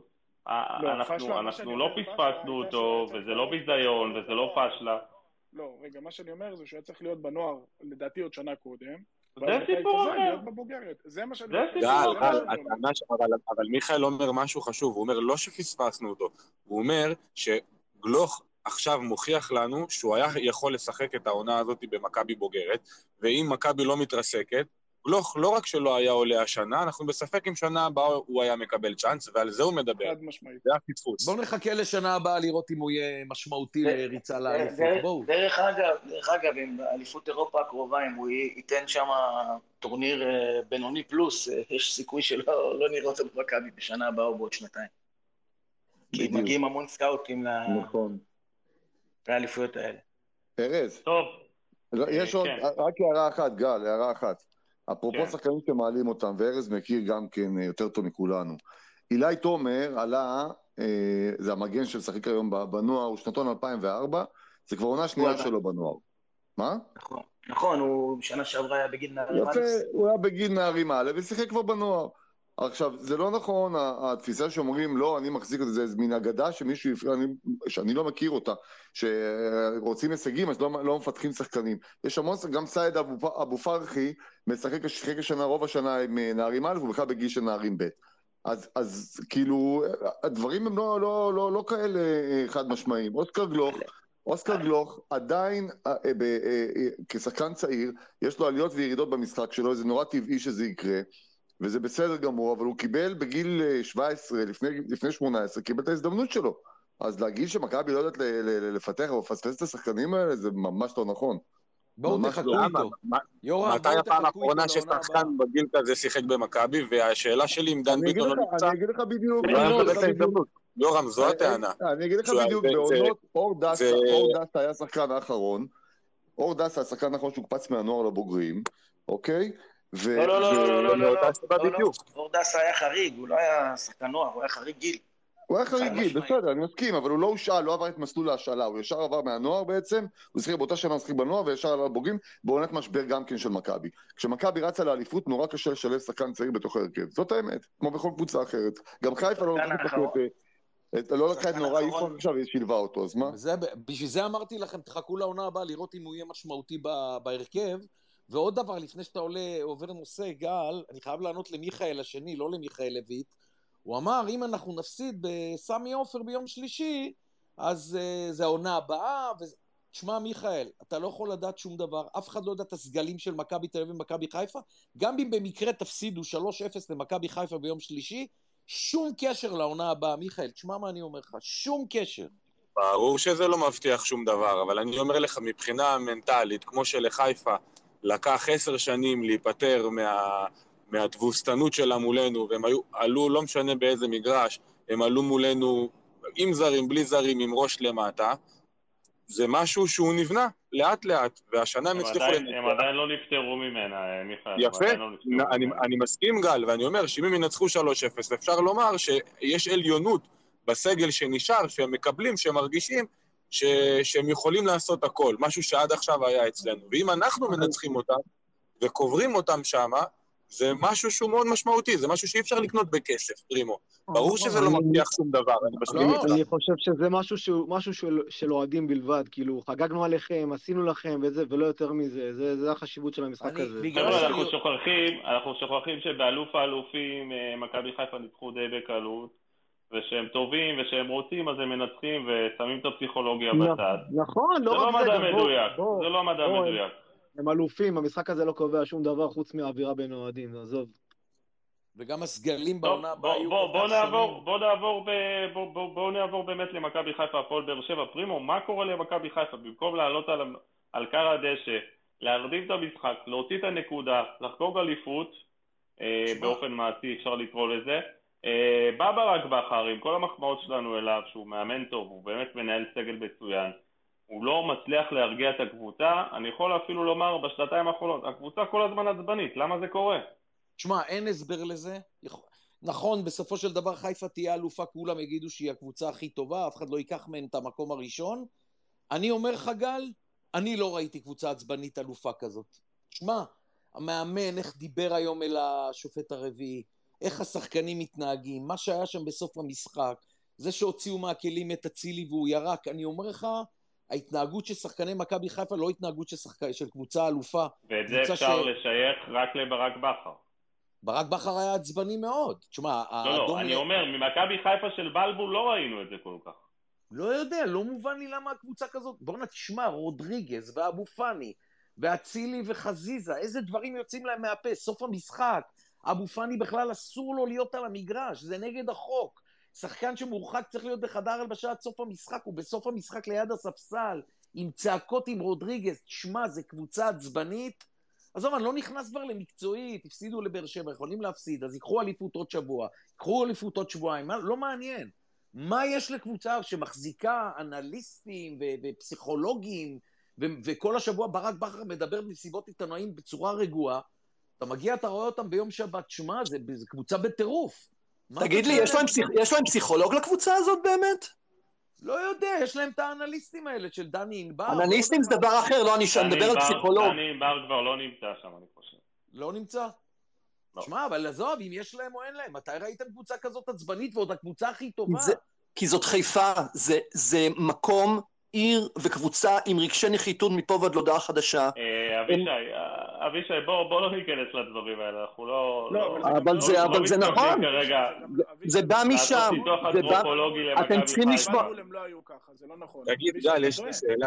אה, האם רנה מולסטיין, הם לא היו ככה. מאז שברק בכר הגיע, ורואים את זה באופן מובהק, אגב, גם גיא צרפתי היה איתו ככה בבאר שבע. אגב, ברק גם בכר באר שבע, גם באר שבע בעונה האחרונה שלה עם ברק. בכר התנהגו ברק מאוד מאוד בכר דומה. משתולל על הקווים, והוא מקרין את זה לשחקנים, וכמה פעמים, וזה מה שרציתי לשאול את פרימו, ובכלל את הפורום, כמה פעמים ראיתם בשנתיים האחרונות את מכבי חיפה משתוללת על השופטים? הרי זה קרה עם הפועל חיפה בדרבי, וזה קרה עם פלניץ' לדעתי נגד אה, נוף הגליל, וזה קורה כל משחק מחדש. הם רצים לשופט, הם מתווכחים עם השופט, הם חושבים שהכל מותר להם. אה, חזיזה אומר לבלקמן, גט אאוט, צועק לו בפנים. זהו, יש לי שאלה על זה נטו מבחינה חוקתית. האם עבר, זה שפוקסמן לא רצה להוציא לו אדום, בגלל שאין לו את הביצים להוציא אדום שני, בן אדם הוא שחקן שאומר לו מול הפנים, אתה חתיכת אפס, האם עבר יכול להתערב בזה? לא, לא יכול? לא. לא. ממש לא. חתיכת אפס לשופט מול הפנים שלו, זה לא אדום פרימו? זה אדום שהשופט צריך להוציא לו, לא, לא קשור לעבר, עבר לא חייב לקרוא מה שפתיים. ההבדל אז בין זה לבין יריקה? עבר רואה יריקה, עבר לא לא, עבר לא קורא שפתיים. מה, מישהו קורא, מישהו, מישהו צועקים לו, זה השופט. מה פתאום? אוקיי, אני- פרימו, מי הולך- מי הולך לשפוט את הגמר גביע המשוגע הזה שהולך להיות אולי אה, אפילו המסוכן הזה, זה- זה הולך להיות משהו מטורף שם בטדי. רוב זה הסיכויים... יגאל פריד? כן, רוב הסיכויים מיגאל פריד. אני אהיה מופתע אם ייתנו לדניאל בר נתן, למרות שעד היום הם אומרים או זה או זה, אבל אני חושב שייתנו איזה דניאל בר נתן שאתמול המציא פנדל ולא ראה פנדל? בסדר, יש כאלה שרואים שאמרו שכן היה פנדל, עזוב, זה שטויות. אה, לא, זה לא שטויות, פרימו, אני, אני לא ראיתי שם שום דבר, הוא, לא, הוא מה? פשוט לא שופט טוב. אנחנו לא הולכים לדבר על הפנדל של אתמול, דניאל בר נתן לא שופט טוב. זה נושא כאוב הפנדל של אתמול, הלך לי המענק. גדול ארז. איך אתם עולים שבוע הבא? באיזה מערך? ביום שלישי, למה אתה כל הזמן אומר שבוע הבא? כבר עוד שלושה ימים. אה, אם הוא משחק עם גלאזר, הוא חייב לשים שחקן לידו. לא, גלאזר לא לדעתי לא. יכול לצאת. גלאזר לא. גלאזר עם צהובים, הוא לא משחק. אה, יצא לטובה. יצא לטובה. מה זה, גלאזר, גלאזר יוצא שכל שני משחקים בקצב צבירת הצהובים שלו, זה, זה פשוט הזוי, הוא לא יצא משחק. לטובה, מכבי תל אביב לא טובה עם גלאזר. יצא לטובה. אז הוא לא, אבל אין לו שש. הוא או שהוא משחק עם שמיר. אז שש, ישחק שמיר. אה, או שהוא ישחק חמש, שלוש, שתיים, ישחק אה, עדן שמיר, גם אבו פאני מצד שני לא משחק. הקישור מתאזן, הכל בסדר. או שהוא משחק בלי שש, או שהוא שם את עדן שמיר, אני לא יודע, אני אבל איך אתה חושב, למה- לא לשים- למה לא לשים את גולסה בתור שש, למשל? עם גולסה טוב, שישים אותו שש. אני לא חושב שהוא מספיק טוב, ואני לא חושב שהוא בוטח בו. רק היה להם פרץ עם יובנוביץ' עוד פעם ביחד, זה הכי חשוב. שחקן שלא בכושר טוב כמו גולסה, וכולם יודעים כמה אני אוהב אותו וכמה אני ביחסים מעולים איתו, שחקן שלא בכושר טוב, שהוא גם החלק ההתקפי לא טוב, אתה לא נותן לו תפקיד כזה אחראי לפני הבלמים. אני חושב שזו. תהיה טע- טעות גדולה מאוד. אני חושב ש... תשמע, זו ההזדמנות של שמיר. שמיר במשחק הקודם, גם- שהפסדתם 3-2 בסמי עופר, היה מישהו פה אבל. בעד לפתוח 4-4-2 יהלום, כמו שהוא עושה? לא, לא, לא, לא, לא, לא, מה אין פתאום? סיכוי, זה נכון? התאבדות. התאבדות. אני תתפלא, אני נותן לקובאס לפתוח במשחק הזה. קודם כל אני מוותר על פריצה, נותן לקובאס אני. לפתוח. חייב לפתוח עם תשע רק אחד מהם. הוא יהרוג את, אה, את אה, יוב- יובנוביץ' אם הוא ייתן לו עוד פעם קיצוני שמאלי, הוא פשוט יחליש אותו. מכבי יכולה ליהנות ממנו ברחבה מול ההגנה של מכבי חיפה, ואם קרסטייץ' ישים אותו קיצוני שמאלי, כבר הוא איבד שחקן אחד. אתם לא מבינים איזה לחץ יהיה על מכבי חיפה. אם כל שלושה ימים יטרטרו להם במוח, ברדיו חיפה ובעיתונות המקומית, בכל מקום, פשוט ישגעו אותם. אתם לא מבינים באיזה, באיזה, איזה הזדמנות מדהימה הולך. להיות משחק טעון, גם בגלל שסגרו להם יציע, וגם בגלל שלא כולם אה, קיבלו כרטיסים שם, וגם אה, אנחנו צריכים לדבר על ההפרדה בין, אה, בין אה, שני, שני אה, אוהדי האולטרס, שפשוט הם ישבו לידינו גם ביום אה, שלישי. לא הולך להיות פשוט שם. מחר יש להם ערעור בבית הדין, לא? בית משפט, לא בבית דין, בית בית משפט, כן. אזרחי. אגב, זה... אני לא חושב שמשהו יכול לעזור להם כבר. הם לא יכולים, הם לא ייצרו תקדים כזה מטורף, מה? אני, אני, קורא, אני קורא את האוהדים של מכבי חיפה, וזה בכי ברמות, אני חשבתי שאוהדי מכבי בכיינים, אבל מה שקורה עם מכבי חיפה, אנשים שנוסעים לטרנר, שקונים כרטיסים ליציע בטרנר, ומתלוננים שלא הכניסו אותם, אחרי שהיה להם תמונת מסך של אוהד הפועל באר שבע. כאילו, אתה, אתה מנסה לרמות, אתה לא מצליח, ואז אתה מתבכיין, או שהם בוכים על זה שהמשטרה לא בסדר, שהיא נותנת, שההתאחדות לא בסדר, סליחה, שהיא נותנת לזה שמציבים שני אוהדים משתי מחנות, אחד ליד השני, כאילו, חבר'ה, מה, מה קרה? 16 פעמים הדלקתם אבוקות, 16 פעמים הגעתם לבית הדין. בית הדין קבע, כאילו, אני לא אומר שהחוק, אני לא אומר שהעונש הוא מוצדק. בסדר, בית הדין והעונשים שלו זה מגוחך. אבל בואו, 16 פעמים הייתם שם, זה לא שפעם אחת הדלקתם אבוקות וסגרו לכם את היציאה. היה תנאי, היה תנאי, היה תנאי, הגיע בית הדין, החליט זה העונש, נפל לכם משחק עם מכבי תל אביב, אתם יכולים לקחת אליפות אחלה. בסוף עשיתם את הטעות, עכשיו אתם גם בוכים? כאילו, מה, אתם כמו חתולים, גם זיינים גם בוכים? כאילו, לא, לא מצליח להבין את זה, איפה... אף, וכאילו, אף אחד לא לוקח אחריות. עכשיו תראו, גם כל הכתבים של מכבי חיפה, גולדשטיין וכל האלה, ודורון בנדור, כולם מדבררים שם את דודו בזק, כאילו זה לא בסדר, ולא יודעים מה נעשה, ולא יודעים... מה חבר'ה, מה, מה לא יודעים? כאילו, אני לא מבין, כולם כאילו מופתעים, כאילו חשבו שזה לא יקרה. מה, מה חשבו, שיגיעו בסוף לבית הדין, ומה הוא יגיד? אה, בסדר, קחו את העונש הזה נגד סכנין במשחק בגביע הטוטו? כאילו, מה... ככה הם לא רגילים. מיכאל, הם שולטים, הם שולטים שם בנעשה כבר עשר שנים. אבל השאלה היא אחרת, איך אתה עולה? עזוב אותם רגע. איך אתה עולה? אני לא חושב שיש שניים או שלושה שחקנים שהם בנקר בהרכב, להוציא את יובנוביץ', סאבו וגלאזר. אני, אני הייתי מאוד מרוצה דווקא מאילון, היה בסדר גמור היום, הייתי, פות... הייתי פותח איתו בצד שמאל גם כן. אני, אני הייתי עולה עם ריקן, הייתי אה, עולה עם שמיר, הייתי עולה עם גולסה, נותן לו את ההזדמנות, או קניקובסקי, אם קניקובסקי כשיר. אה, ההרכב ואני- הכי טוב של מכבי תל אביב היום זה... מה פתאום מאוין וכל השטויות? שלושה קשרים, שמיר, גולסה וקניקובסקי, בהתקפה בשני הצדדים קובאס ואילון אלמוג, תשע יובנוביץ', אבל אני לא זה קרסטייץ'. הבעיה, אילון- פרימוש. אילון אלמוג, פרימו, קח ה-4-3-3 נתון. האלה, הוא מגביל את הקבוצה, אתה צודק. 4-3-3 זה המערך שהכי מתאים למכבי היום, בטח מול מכבי חיפה. הבעיה שהוא לא ישחק עם קח שחקני נתון, כנפיים. אילון אלמוג היום פתח אחד מתשע דריבלים מוצלחים. וגם איבד עשרה פעמים את הכדור לדעתי. בסדר, אבל אתה יודע. למה אמרתי אילון אלמוג? כי אני. ראיתי היום שטל בן חיים וחוזז, הוא בכלל לא מלביש אותם, אז זאת אומרת, הוא לא טל מחזיק בן מה... חיים נפצע. טל בן חיים נפצע ביום למסכם.